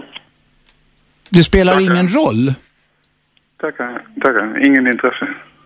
Du är inte intresserad? B- man hör ju på band hur du lovar honom samma hyra utan indexhöjning första året i tre år till efter att du först har berättat om att det ska gå upp. Och sen, diskuter, sen diskuterar ni 30 000 kronor. Nej, och, hur, ingenting. och hur han ska få fram det. Nej. Säger du att du inte diskuterar det? Tack för samtalet. Hej då. Vi har det på band. Ja, vi har det på band och det är jävligt dåligt. Det är så dåligt så att åklagaren i något skede valde att inte ta upp det här. Vi ska alldeles strax få höra vad som har hänt Maxat nu. Det var nämligen så eh, att SL och Maxat kom överens i hyresnämnden. Sen börjar det hända grejer. Men vi ska ha lite reklam först och allra först så ska vi ha lite nyheter. Och det är Martina som levererar dem. Eh, där kommer Martina. Det är mycket folk i studion. nu. Ja. Varsågod Martina. Radio 1. Aschberg. Det är jag det. Och häng med nu, för jag ska förklara vad vi håller på med i programmet. Vi har Susanna Mani från systerjouren Somaya här. Vi talar om hedersrelaterat våld. Vi har gjort en liten utvikning. Därför för att för ett år sedan så hade vi en kille som heter Maxat Orasov här i studion. Han har blivit trakasserad av SL. En eh, förvaltare vill ha privata mutor för att inte höja hyran och allting. Eh, eh, och de trogna lyssnarna känner igen den här historien för jag har upprepat den ibland. SL har aldrig hört av sig, de har inte stämt oss, de har inte gjort någonting. De har bara gått ut internt och försökt lägga locket på. Maxat, vad är situationen idag? Ni kom överens i hyresnämnden Ja. efter mycket trassel i augusti va? Ja, i augusti, 29 augusti, vi kommer överens. Och de vet att jag måste sälja de restaurangen. Du måste sälja och Ja. du var med på det alltså? Ja, jag säger okej, vad ska jag göra? De, det, jag blir här sju månader de, på framtiden. Och, och jag hittade massa köpare som vill köpa. De jättegärna. Men, Det fanns folk, alltså de stod på kö säger du? ja. Och var ni överens om priset för restaurangen allt, också? allt, allt. Så det var överens, ni hade handslag på det? Ja, absolut. Med en, vi gjorde de, vad heter, köpkontrakt redan. Ja, ja, ja. Och när han pratade med SL, han bara försvinner. Sen pratar han med den, med den, de det kommande de han heter. De, Ja, det är han som är chef för eh, SL som, Fastighet. Som sitter där på hyresnämnden. Då har han talat med den, med den kommande hyresvärden, för du vill sälja restaurangen i ett aktiebolag alltså. Ja, ja, och då försvinner den här köparen. Alla försvinner. Det blir, det blir fem, sex personer. Som, Alla försvinner efter att ha talat med SL. Ja, ja, det är sant. Hur tolkar du det här? Men de vet att en kille, de, jag kan ringa just nu till honom och han ska bevisa. Vet, du. de vet att vi kommer och de vet på hyresnämnden att jag kan sälja med aktiebolag. Det sades i hyresnämnden att du kan sälja Ja. som ett aktiebolag. Ja. Men eh, av något skäl så skrämmer SL iväg alla tänkbara köpare nu. Ja, men de vet på min son de köpare som jag känner, de vet, han sagt till mig, de SL säger till mig, de vet, nej du kan inte köpa med aktiebolag. Det är förbjudet. De- Okej, de fortsätter att försöka kasta, eller sätta Absolut. käppar i hjulet för Visst, dig här visst, och visst, obstruera hela den Ja. här grejen.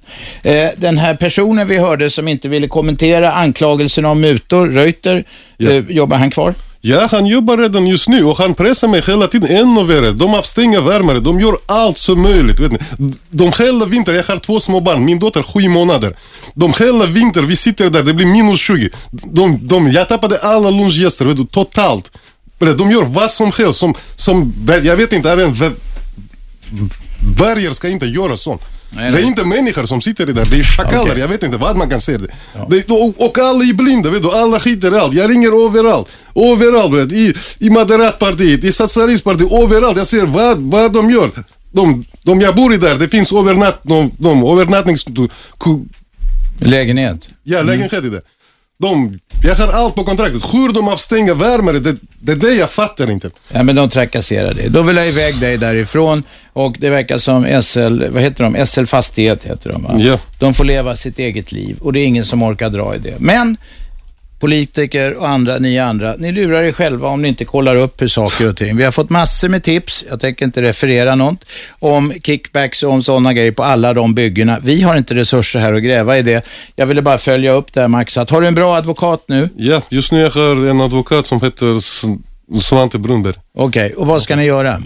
Ja, vi ska, de, vi ska tvätta alla sådana, de, de julfilen. Ni ska försöka få Ja. fram bättre, de här ljuden Ja, bättre absolut, ta, bättre så att ni kan få en åklagare att ta Ja, upp fallet igen. Absolut, absolut. Och vi ska gå, de vet direkt. Det måste göra själv åklagare som jag tror, men okej, de, vi- jag betalade 7000 kronor. Men du är en envis jävel Max, att det vet jag. Eh, Så jag önskar, jag önskar dig lycka till Ja, absolut, absolut. Och, och det vore ju så. Jag vet att det var flera medier som var på det här, men det var lata journalister eh, som eh, säger att ja, men åklagaren la ju ner det här. Ja, och då blev det så jobbigt att vara journalist. Eh, så är det. Eh, journalister är jävligt lata människor ofta. Det är visst, det är alla är rädda. Vet du. Ingen som vill tjafsa mot SL, mot staten. Är, Jag tror inte de är rädda alls. Eh, Mm. De är inte rädda för SL Fastighet. De är bara lata. Jag Så vet inte, men det är Men deras du, jobb nu. jag önskar dig lycka till i den fortsatta fighten, eh, Maxat. Tack för att du kom hit. Absolut, absolut. Tack själv. Ha det så bra nu. Hoppas du eh, får dem en smocka i slutändan. Det kan ta lång tid, men du är en envis jävel. Okej. Tack så du Hej. Då så, då fortsätter vi på huvudspåret här i programmet, nämligen det som handlar om hedersrelaterat våld.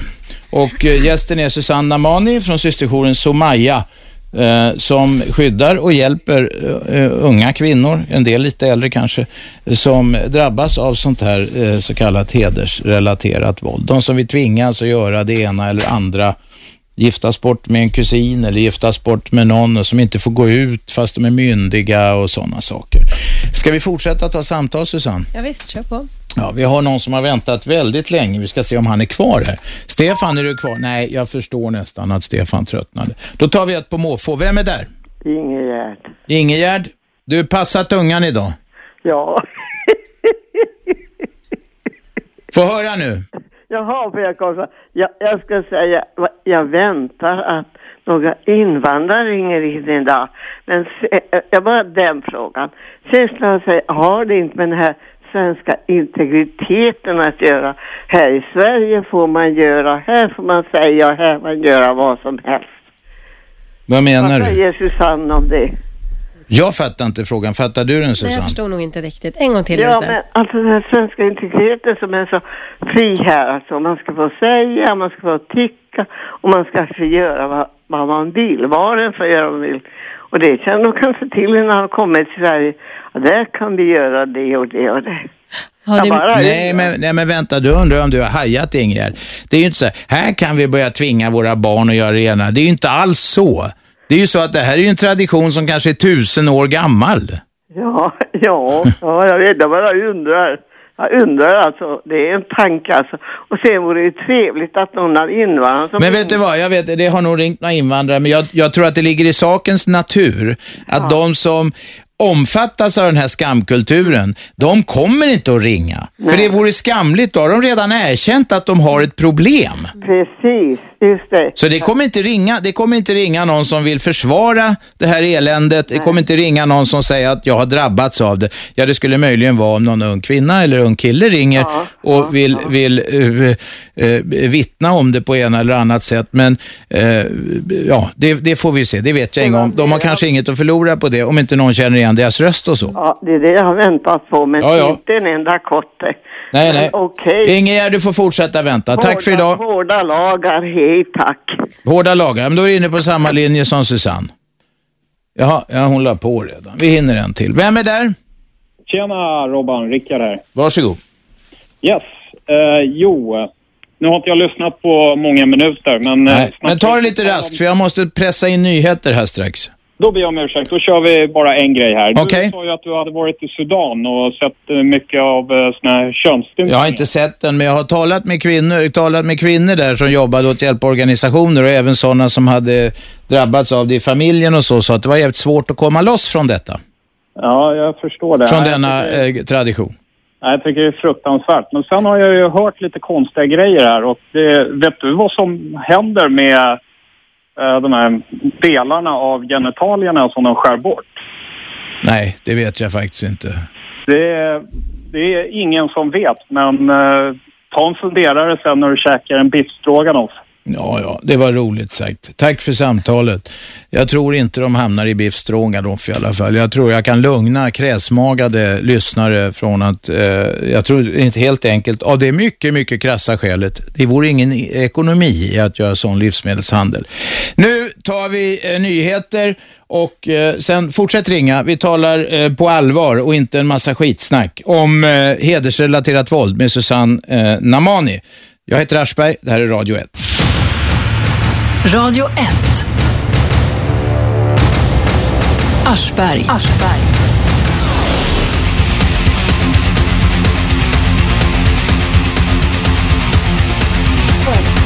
Aschberg här, 101,9 MHz varje måndag, tisdag, onsdag, torsdag, fredag 15.00 till 18.00. Vi talar om hedersrelaterat våld idag som drabbar, ja, minst 100 000 Ja. eh, kvinnor och eh, pojkar, män eh, också. Det glömmer man ofta va, i det här.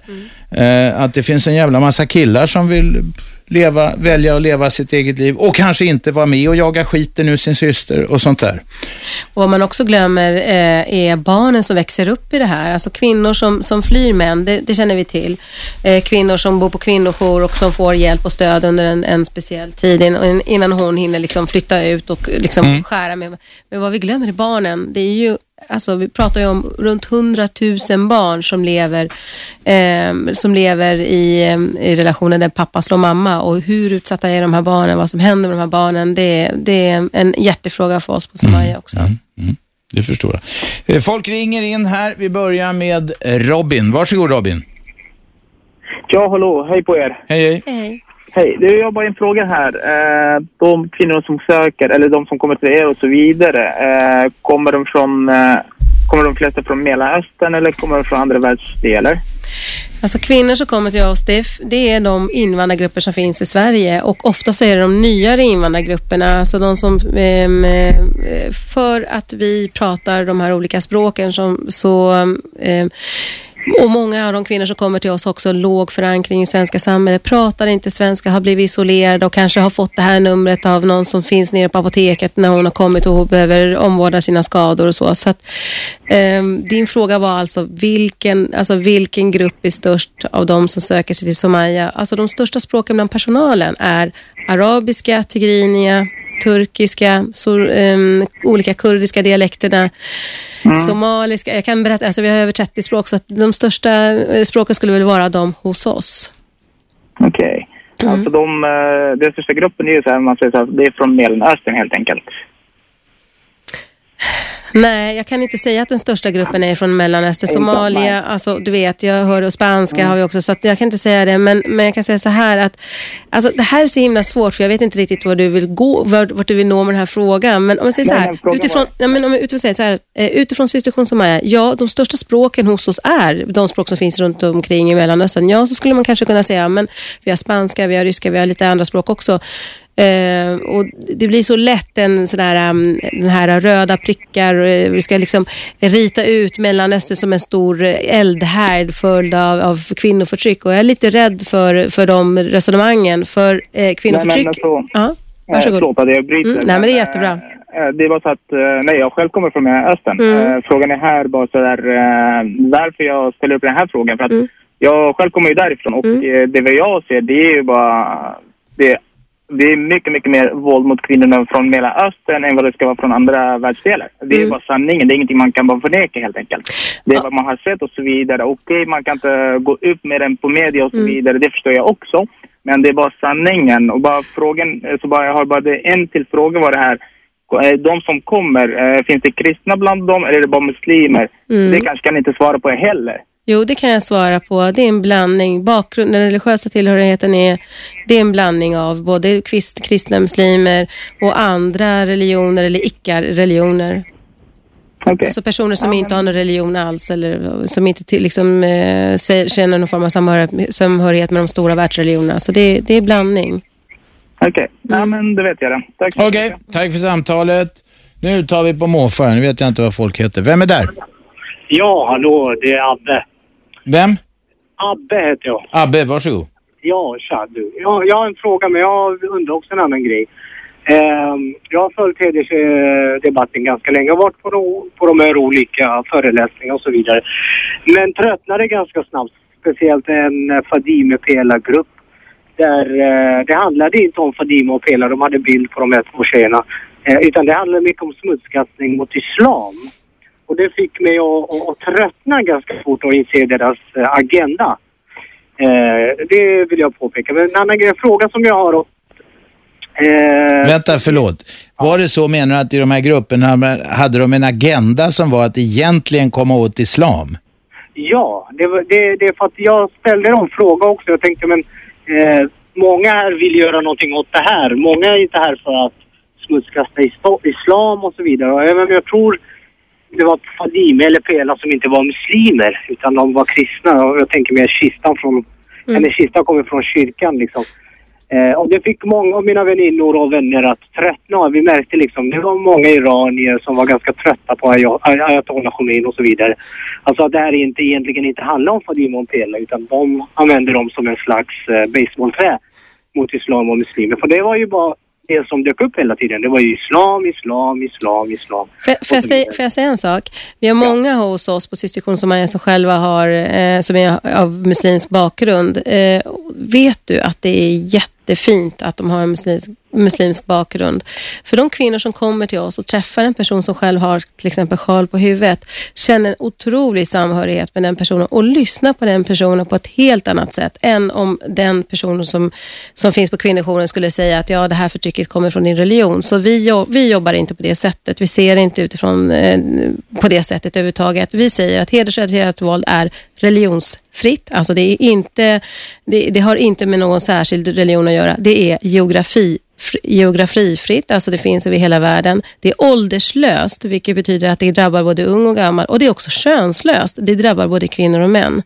Så det är vår, vårt ställningstagande. Sen så är det klart att det finns olika organisationer som har olika eh, angreppssätt, men så, så angriper vi inte vi frågan i alla fall. Nej, precis. För att jag har några som jobbar på Fryshuset med Elektra bland annat. Mm. Och det var mycket, i början var ju mycket att det var islam, även på tidningar och så vidare. Det var islam, islam, islam, islam. Sen var det många syrianer från Södertälje. Mm. Jag säger inte att syrianer har den här kulturen, men det var många tjejer kristna som ringde. Mm. Och då ändrades debatten att nej, men det har ju ingenting med religionen att göra. Mm. Och vilken, vilken, vilken tycker jag stämmer ganska Mm. väl. Och sen tycker jag också att det finns mycket hedersrelaterat våld i, i vårt svenska samhälle med etniska svenskar. Mm. Det fanns en tjej som eh, eh, var gravid. Eh, så hon hade väl en pojke som var arab för, ett tag, för länge sedan. Så fick hennes föräldrar sparka henne i magen så hon fick eh, missfall eller vad det heter. Mm. Så att de ville inte ha det här i familjen. En arabisk blod. Och det här var ju ett slags heder. Och sen skulle jag också vilja säga att eh, det handlar inte om kultur. Utan det handlar om traditioner. Det- För att jag vet många familjer där två bröder, det ena har den här tankarna och den andra har inte den här tankarna. Fast de kommer från samma land och, och uppväxt i samma lägenhet. av samma pappa och mamma.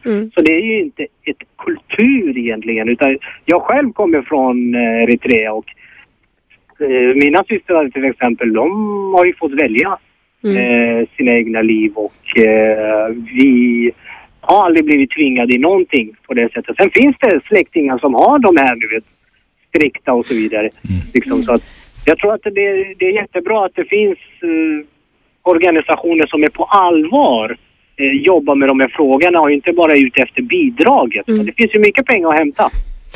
Ja, får, jag, får jag säga en sak till dig? Det, det ena är, eh, eller två saker vill jag säga. Det ena är att, eh, ja, som jag redan sa, att vi, vi, vi arbetar inte på det sättet. Vi, vi har ett inkluderande sätt, vilket innebär att, att personer som kommer till oss, hon bestämmer, hon formar sig själv sitt eget liv. Eh, vi stöttar och hjälper henne med det. Vi, har, eh, vi arbetar jättetydligt med det, med, den, med det angreppssättet. Men det andra som jag säger, det är att du är ju en av de här personerna som vi behöver. Du är ju en sån person som behöver prata ut och säga att det här, jag kommer kanske från en sån bakgrund, det kanske inte finns i min egen familj men runt omkring mig och jag är en av de här goda krafterna som vill göra någonting åt det. Varmt välkommen till oss skulle jag säga till dig.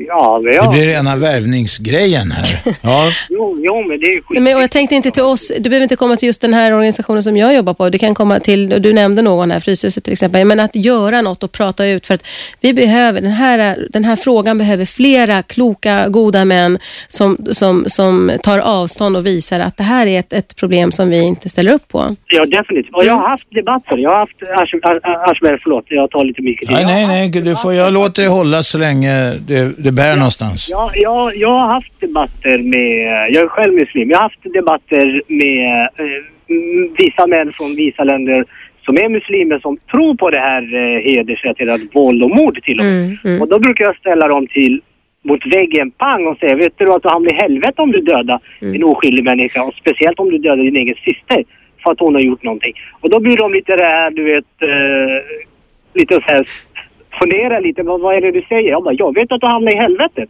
Du som tror på helvetet. Och då, och då blir de lite så här, de vet inte vad de ska säga. För, för förr eller senare så dyker det ju fram att de har mer tro på sin kultur än religionen egentligen. Mm. Och de skiter i religionen, men till slut blir det ju tjafs bara att vi tjafsar. Men vet du vad? Ni kommer i ett fas. Jag ska berätta, vi hade ett projekt eh, tillsammans med SKR hos oss som heter Ur barnens perspektiv. Då vi ha- hade samtalsledare med olika eh, språkbakgrund som var ute i de här olika invandrargrupperna och pratade om hur man uppfostrar barn i Sverige eller hur, vad tänker du runt barnuppfostran? Och en sak som var väldigt tydlig som kom fram i de här samtalsgrupperna när man pratade egentligen om barn som upplever våld, det var att jag vet inte vad jag ska göra. Men min son, min dotter börjar liksom tänja på gränserna. Jag vet inte vad jag ska göra. Jag vet att jag inte får slå mitt barn, men vad ska jag göra istället? Så det här är en jätteviktig fråga för oss att hjälpa till att prata om. Ja, jag, det, jag känner många föräldrar som eh, är otroligt rädda att deras barn ska gå sex innan de har fyllt 14. Abbe, nu ska vi runda av. Man kan ju säga så när det gäller att slå, de inte vet vad de ska göra. Om de inte har lyckats tala till och influera sina barn så mycket så att de kan få dem att bli hyggliga människor, då är det för sent när de börjar slå dem. Det, Precis, det är så är det. Men du Abbe, nu räcker det. Tack för idag. Tack så mycket. Hej. Nu har vi nämligen Martina i studion med en bulletin. Radio 1. Aschberg. Måndag till fredag 15.00 till 18.00. Även lördagar och söndagar faktiskt. 15 till 18 då är det repris från veckans olika program. Eh, det mest spännande som man kan lyssna då. Lördag, söndag alltså. Eh, så är det var det med det. Nu tar vi in eh, Peter. Varsågod Peter. Ja, tjena, hej och hå. Ehm, jag tänkte fråga lite grann om när man kommer till Sverige och som flykting då söker man sig till någonting bättre. Men samtidigt så tar man med sig eh, olika former av religiösa riter och de blir, eskalerar ju och blir värre i Sverige. Till exempel eh, somalier, de eh, går omkring i burka och eh, har på sig kläder och saker som de inte har där nere exempelvis. Så, Nu sprakar det. Nu sprakar det. Men, men... Hör du mig? Ja, men det sprakar som fan. Häng kvar, jag tror jag fattar vad du menar. Alltså, eh, det finns ju så, alltså, i, det här är ju ett klassiskt fenomen. Eh, eh, grupper som eh, tvingas eller flyttar frivilligt till olika länder, det, det finns, åtminstone hos en del av dem, så förstärks den här gamla kulturen. Man kan ju se, eh, jag tror du kan se samma sak på svenskar eh, som flyttar till, och tittar i södra Spanien. Det är ett jävla midsommarfirande och så, även om de inte gör det eh, kanske varje, alltså, vad heter det? I, i, åtminstone i vissa lägen så är man väldigt stark på sina traditioner. Kanske för att man är långt hemifrån och så, saknar det och sådär. Ja, men det är väl en jävla skillnad på... Ja, ja, ja, men det är ju samma... Skära sam, pitten av någon alltså. Skära pitten av någon är väl ingen som gör, men, men det, det är samma fenomen. Sen tycker jag det är ganska oskyldigt att, eh, vad heter det, dansa runt en midsommarstång i Spanien. Och det du menar är att man om man tar hedersrelaterat våld med sig som tradition så kan det till och med bli starkare va? Ja, och det, det är för jävligt. Och det vet jag, för att jag vet så invandrartjejer som säger, vänta, invandrartjejer som jag har träffat som säger att när de är, kanske har varit i sina hemländer och så, det är inte alls samma koll på dem. Nej, nej. I Tur- Turkiet. Och vad beror detta på? Är det det du vill fråga? Eh, Ja, alltså eh, varför? Är det bara för att eh, det följer med gamla gubbar och eh, de här männen som kommer med eh, som flyktingar? Ja, vänta, låt Susanne svara. Det sprakar så jävligt när du snackar. Häng kvar då. Ja, nu är inte jag någon migrationsexpert, så jag vet inte om jag är rätt person att fråga. Jo, jag håller med om att i vissa fall, så, eller många fall så är det så att det förstärks i, i när man kommer som, alltså när, under migrationen så förstärks de här eh, kulturella värderingarna och eh, uttrycken, absolut. Men så har vi också motsatsen där det är tvärtom, att eh, när man kommer till ett nytt land så har man god möjlighet att liksom integreras och ta, ta sig an de nya eh, f- kulturella saker som finns i det landet. Så att jag tror att det är både och. Jag kan inte säga att det bara, jag, sak. jag kan inte bara säga att det är bara så. Mm. Du, förlåt, Peter, jag måste fråga dig en sak. Lyssnar du samtidigt som du snackar? Lyssnar du i luren samtidigt som du ringer? Eh, ja, det är självklart att jag lyssnar i luren när jag pratar. i Nej, men du, lyssnar du på radioprogrammet i telefonen? Nej, nej, nej. nej, Nej, okej, för jag hörde någon som sa att det kan vara det beror på hur det sprakar. Ja, förlåt, fortsätt. Eh, nu tappade jag tråden. Eh, Nu tappar vi spraket. Ja, exakt. Eh, är det så- här också att när en familj kommer till Sverige så, så kanske mannen i familjen känner sig lite underlägsen och eh, vill ha mer kontroll. Han, han är osäker alltså. Han vill ha kontroll på, på familjen och, och tjejerna hit och dit. Bara för att han är helt enkelt osäker. Han har inget jobb, ingenting. Eh, han är ut, utesluten ur samhället i princip. Och det, det har jag sett många gånger. Jag jobbar mycket ute i Tensta. Ehm, det finns de flesta som går och, och, släpar benen efter sig. Det, är- det är ju faktiskt gubbar. Mm. Alltså jag tror att det, det är svårt att resonera för jag tänker det finns det, det är individuella fall. Men absolut, vänta, vänta, nu sprakar det igen. Låt Susanne snacka. jag sprakar inte så jag kan... De, de, alltså, gubbarna vill ha kontroll på... Ja, ja, men vi har, du har sagt, du har ställt frågan. Ja, det, det, jag säger att det, blir ju, det här blir ju mer av ett resonemang och det är klart att det, att det också sker. Men vi, jag har ju också träffat personer som, eh, som där de här tjejerna som kommer till oss som är födda och uppvuxna i Sverige. Det har funkat jättebra och man har haft en ganska god frihet liksom, så under, under årens gång. Men så är det så att de börjar bli giftesmogen eh, ehm, och det sker ett rykte.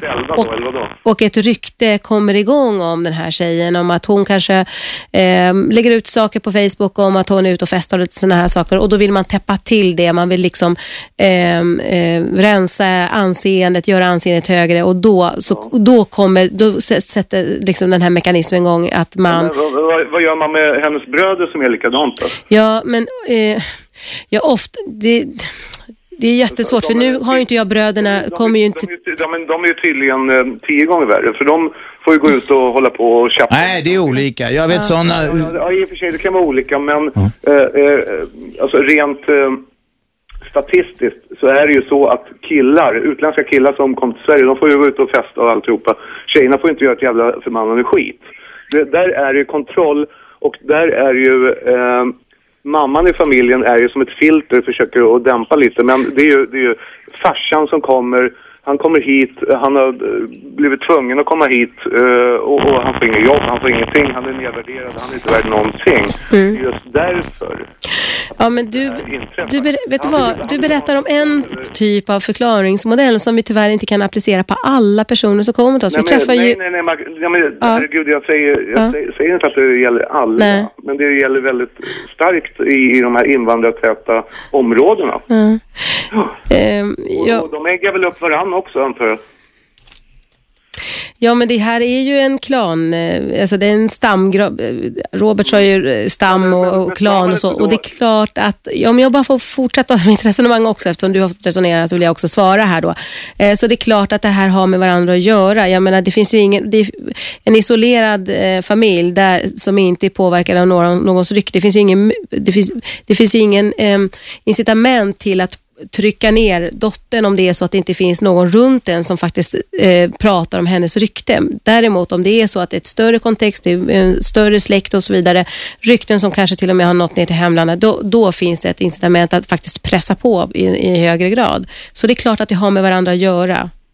Familjen kan bli utesluten ur gruppen Såklart. Mm. om dottern i den familjen och så vidare. Ja. Ja, men vi har exempel på pappor som tycker att det är okej att flickor får lära sig att simma och sen så får han ett telefonsamtal från hemlandet om att han är en dålig pappa och en dålig man eh, och där han då i så fall stoppar det här. Så att jag menar, visst, men, det då, finns... då måste man ju redan när de kommer till Sverige Mm.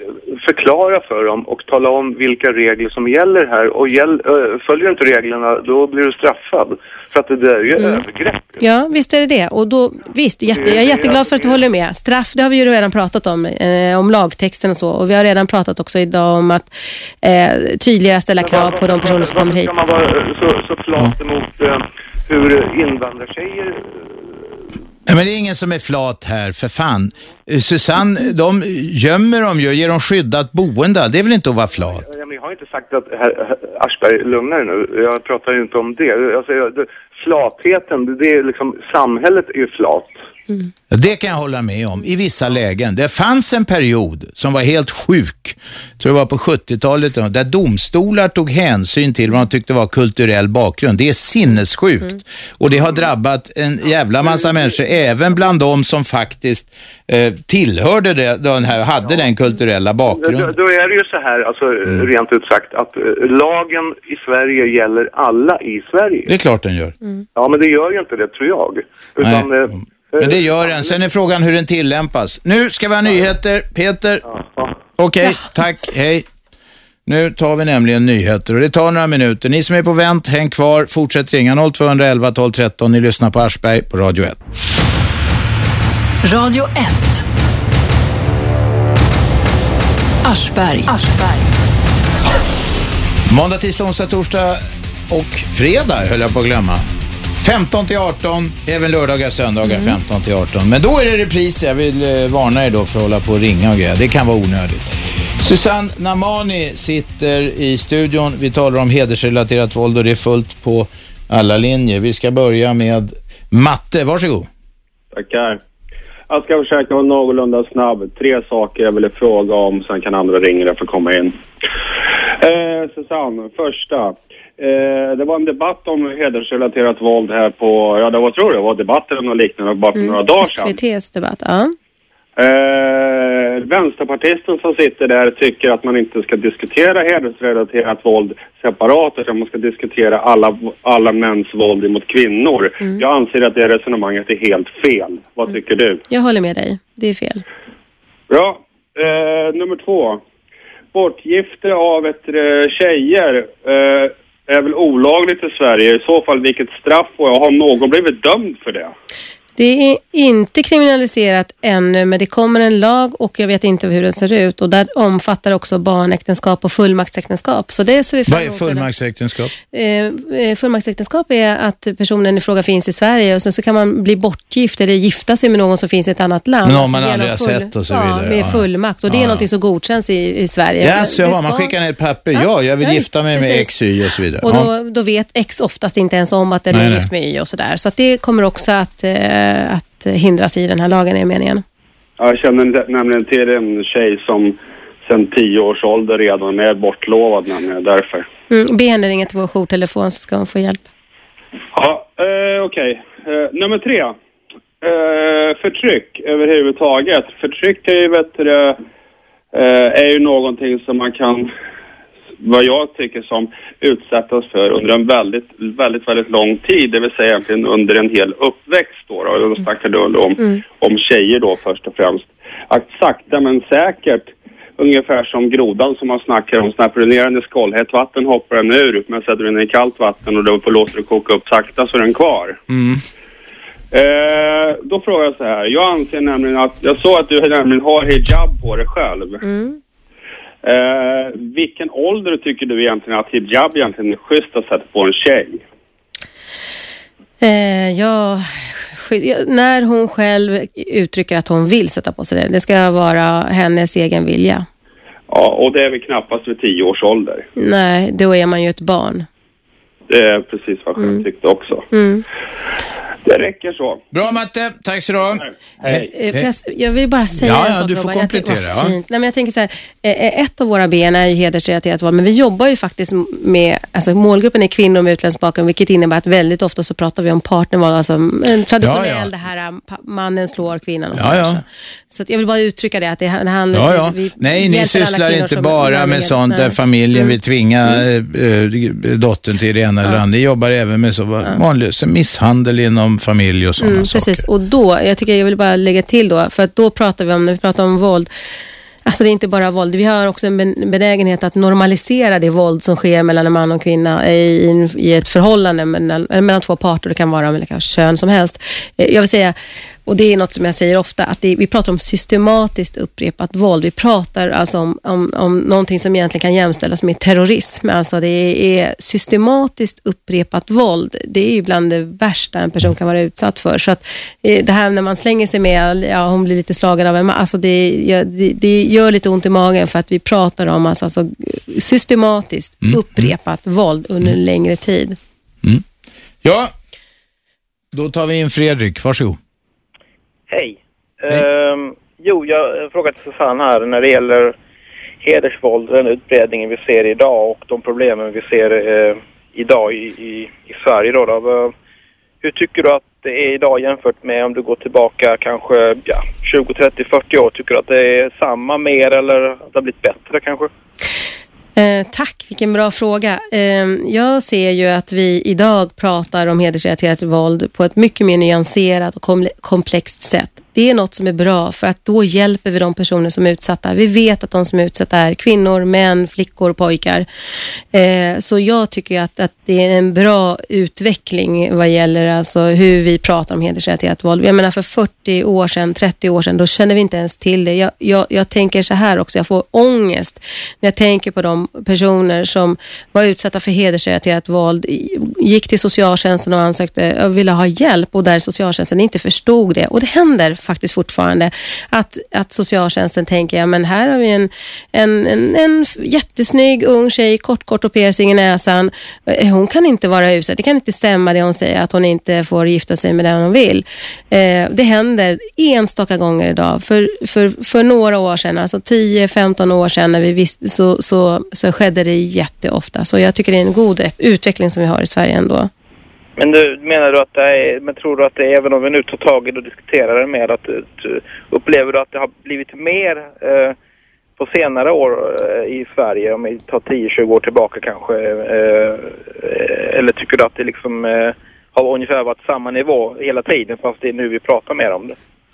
Eh, ja, jag tror att det har en klar koppling till eh, invandringen i Sverige förstås. Så att det, ja, det sker det, naturligt är att det på något sätt ökar. Vi talar om det också mer, vilket betyder att människor är mer benägna att, kom, att berätta om det. Men det faktum att vi har en mycket större invandring idag från MENA som är ju inte bara Mellanöstern men även Nordafrika. Tror du att det kan hjälpa till att det, att det, att det är ett större problem idag än vad det var kanske på, jämfört på 60 kanske 70-talet? Ja, jag är benägen att hålla med dig om det. Ja, det är jag. Okej. Bra, tack Fredrik. Eh, då tar vi in Hasse. Varsågod. Hasse har tröttnat. Jakob, varsågod. Jakob. Yes, det är jag. Ja, Okej, vakna. eh, Du är i radio. Okej, bra. Eh, Du, jag vill bara kommentera mer av det Peter sa. Så jag håller med Peter till 100 procent. Han eh, snackar om det mera gubbarna eller killarna som vill eh, kontrollera, vad heter det, tjejerna.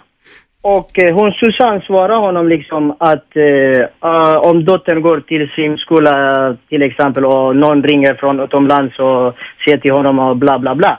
Men det jag menar är liksom, har inte far, far och brodern alltså Ska de inte försvara dottern och systern alltså? Det är det jag vill säga alltså. Istället för att liksom, ah, okej, eh, jag ska liksom eh, hålla med dem alltså, liksom skärpa min dotter. Istället för att alltså, ah, vi bor i Sverige, vi ska bo kvar i Sverige och liksom hon är en del av Sverige, hon ska vara som eh, hennes kompisar eller vad det är nu alltså. Om de har bestämt sig att bo kvar i Sverige, varför ska de inte liksom bo som svenskarna? Varför ska de liksom få, uh, vad heter det, gå efter påtryck? Varför ska Det de inte respektera hennes säga. rättigheter? Ja, visst, ja, men du har rätt, helt rätt i det. Ja, eh, men men det är ju så att, de, man, att även om man har flyttat till Sverige så är man fortfarande på sätt och vis beroende av, eh, är man fortfarande på sätt och vis beroende av det rykte som finns runt hela eh, familjen. Och hela familjen är ju inte i Sverige utan det finns också delar som finns i andra länder. Det betyder alltså att den familjen som finns i Sverige är fortfarande beroende av de här andra familjemedlemmarna eller släkterna som finns i kanske det gamla hemlandet. Eh, det är det som gör... ja. Absolut, absolut. jag håller med dig till Mm. 100 procent. Det är det. Jag menar inte så att Nej. de ska liksom klippa bandet med gamla hemlandet. Det är inte det jag Nej. säger. Det jag menar är liksom, liksom ha mod att försvara dottern. Ja. Vad fan, hon är här, hon ska vara som hennes skolkompisar. Mm. Hon måste klara sig liksom och simma om hon ska gå och, och träna med sina kompisar eller vad det blir nu alltså. De, jag tycker i alla fall de borde ha lite mera mod och liksom försvara deras eh, döttrar. Mm. Mannen i familjen till exempel, om det nu är pappan, eh, blir själv utsatt av ryktespridning, av att man inte vill ha- handla i hans affär, av att hans döttrar blir, eh, eh, får en sån här ohederlighetsstämpel. Så pappan i familjen blir ju också drabbad. Nu menar jag inte att jag försvarar honom, jag menar bara att det här är viktigt att ta in så att man förstår det. Ja, absolut. Ja. Vem, hur många hans landsmän bor i det område han bor alltså? Det, det, det finns ju andra som kommer handla i hans affär. Det är inte bara exempelvis eh, som iranier som kommer till hans affär. Det kommer Mm. en massa andra som vill gärna handla i hans affär. Och jag tycker i alla fall i längden, de här människor som försvarar sina döttrar, systrar, det är de som vinner i längden. Ja, de får ju den här statusen, "Ah, han är, okej, börjar det kanske bli sådana konstiga rykten, bla bla bla. Ja. Men när de har eh, stått ut den här första rykten, det är de som vinner, det är de som kommer ut och deras döttrar blir någon alltså. Vi har ju många duktiga tjejer som är med i riksdagen och som är journalister som har, eh, vad heter det, eh, vad heter utländsk eh, bakgrund alltså.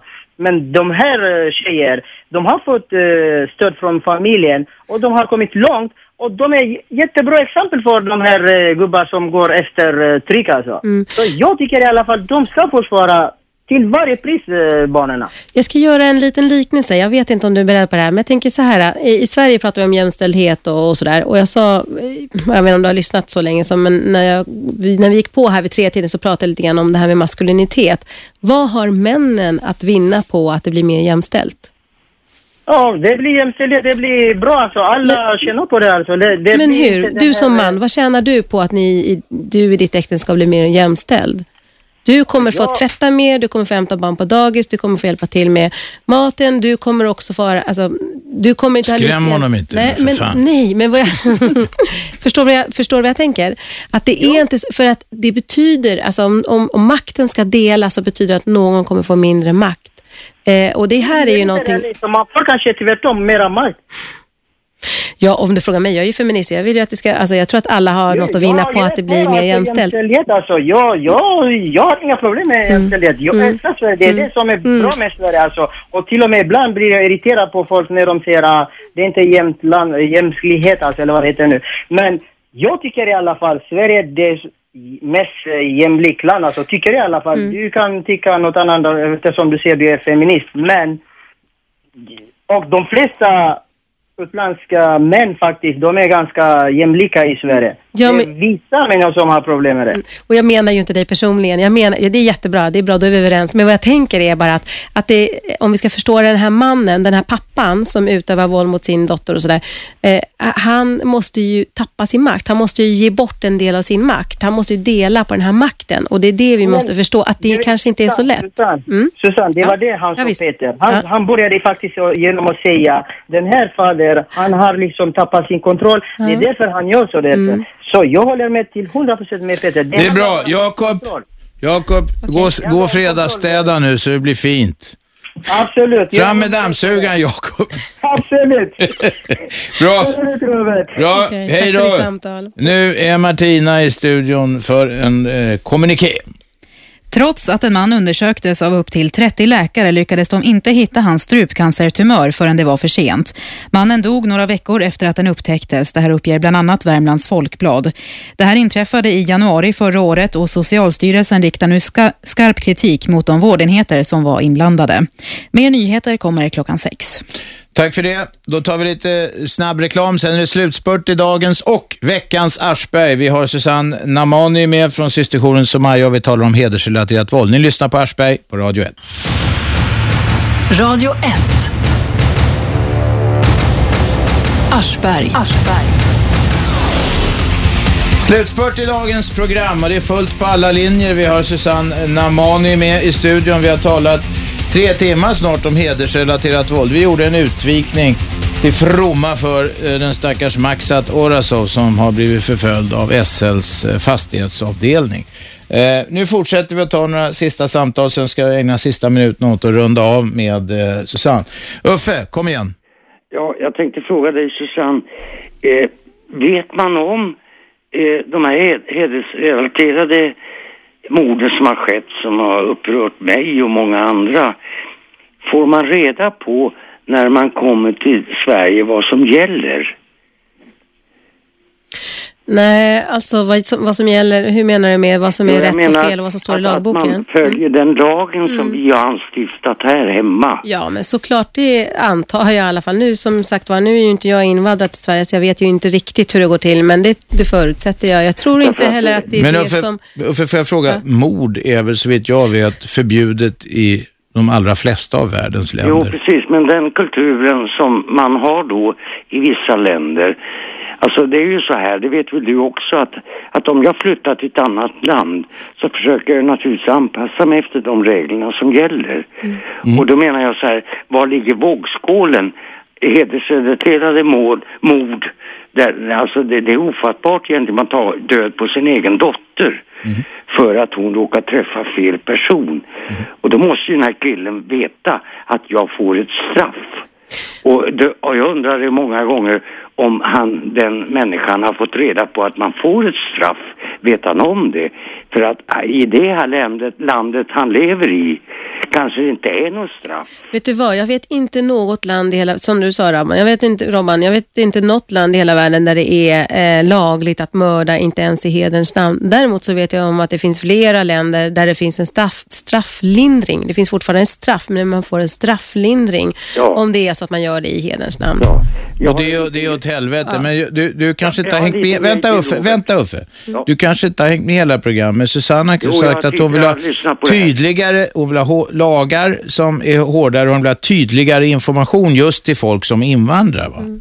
Ja, sen var en annan grej, jag bara en snabb grej här. Snabbt Eh, då. jag Det är flera på kö. De här muslimska, eh, inte för att ha någonting emot muslimer i, i, i, i stort hela, men vad jag menar det är att många utav eh, ungdomarna då som kommer ifrån ett annat land där de inte har sett sin mamma ens avklädda, kommer till Sverige. Kan det vara någon, någon, någon krock då i kulturellt syfte? Jag menar, här ser de ju flickorna avklädda, de är snygga och kan det finnas någonting där som gör att, att, att våldtäkt exempelvis är någonting som är vanligt? Nej, vi har ju vår egen strafflag, eh, någon form av, hade för inte till för inte så himla länge sedan någon form av strafflindring när det är så att flickan eller tjejen har betett sig, eh, vid våldtäkt till exempel, har betett sig eh, ja, men onyktert och kanske har inte liksom sagt nej tydligt och klart och sådana här saker. Hade kort kjol, du Ja, hade ju kort- kjol. Ja, men så. sådär, så där man lägger skulden hos flickan och det här är ju någonting som vi inom den feministiska rörelsen har Men, men kan påpekat. det påverka? Ja. Kan det påverka? Jag skulle inte... Jag menar om saven rinner till på en ung pojke. Men vä- Uffe, Uffe. Eh, ja, det är klart. Alltså vad då? Om någon aldrig har sett en naken tant de plötsligt se det. Ja, då kan någon få, någon kan få en knäpp i skallen. Ja, ja. Man kommer till ett land av mjölk och honung där man kan men- hyra p-rullar överallt. Men, men- vad vill du ha sagt? Vad sa du? Det blir en kulturell krock menar jag. Ja. Fast det där vet jag inte om jag håller med om. Jag har ju levt utanför Sveriges gränser också och sett att, att det här, den här fördomen som vi har här om att i vissa, till exempel muslimska länder så finns det inte någon tillgång till sex. Det stämmer inte alls för att Du, jag kan säga det. Jag har varit i flera muslimska länder där i princip allt sånt där går att skaffa under disk. Ja, men katolska länder har ju Ja, också en ja, sån här... ja. en- Ja. men vi ska kanske inte gå in på det. Nej, var det inte här, nu svävar det ut. Ja. Uffe, det, för det är fler som står på kö. Tack för idag. Hej. Hej. Detsamma, hej. Hej. Kim, varsågod. Hallå där. Kom igen. Eh, ja, det jag tänkte på, det var några som ringde och tänkte, eller frågade om det här hjälpen som ni har till eh, folk som är utsatta, alltså invandrarflickor och sånt, om det går på våra skattepengar. Jag menar, jag tycker det är en dum resonemang. Att det går bra att skicka folk från Sverige utomlands. Alltså folk skickar ju pengar till Röda Korset och hit och dit för andra som har det bra i andra länder. Somalia, Rädda Barnen, ja, hjälpa till i Afghanistan. Men här i Sverige plötsligt blir någon ifrågasatt. Jag menar, går det på våra skattepengar? Bra. Jag tycker det, är helt, det, det, det är självklart. Jag menar, om någonting som har förbättrat någonting i hela världen, alltså spelar ingen roll. Varför kan man inte förbättra någonting här i Sverige? Ja, men jag, jag vet inte om din poäng var att istället för att skicka pengar utomlands så skickar de till systerktionen Somalia. Det, det resonemanget gillar jag faktiskt, om det var det du menade. Nej, ja, absolut. Alltså, det går bra att skicka pengar till andra, men så fort någonting sker här i Sverige, om det är någon stiftelse... Ja, ja, men du, Kim, du vänder dig mot någon som ringde för ett tag sedan som sa att och var skeptisk till att det gick Ja, skattepengar. precis. Går det på våra skattepengar Ja. så de tar in Okej, problem ut. Kim. Jag ska svara på skattepengar. Vi, får, eh, ett, vi är en förening så vi får föreningsbidrag och sen så lever vi på egna intäkter. Okej, Kim, nu vi måste vi det. runda av här. Tack för idag. Ni som står på vänt, sorry, ni får ringa på måndag. Eh, du, eh, jag ska bara ett par sista ord här, eh, sista minuterna. Eh, kan man inte säga så här, att eh, vi snackar om det här begreppet heder som det dras i smutsen av, att man säger hedersrelaterat våld. Jag måste säga att jag tycker den som inte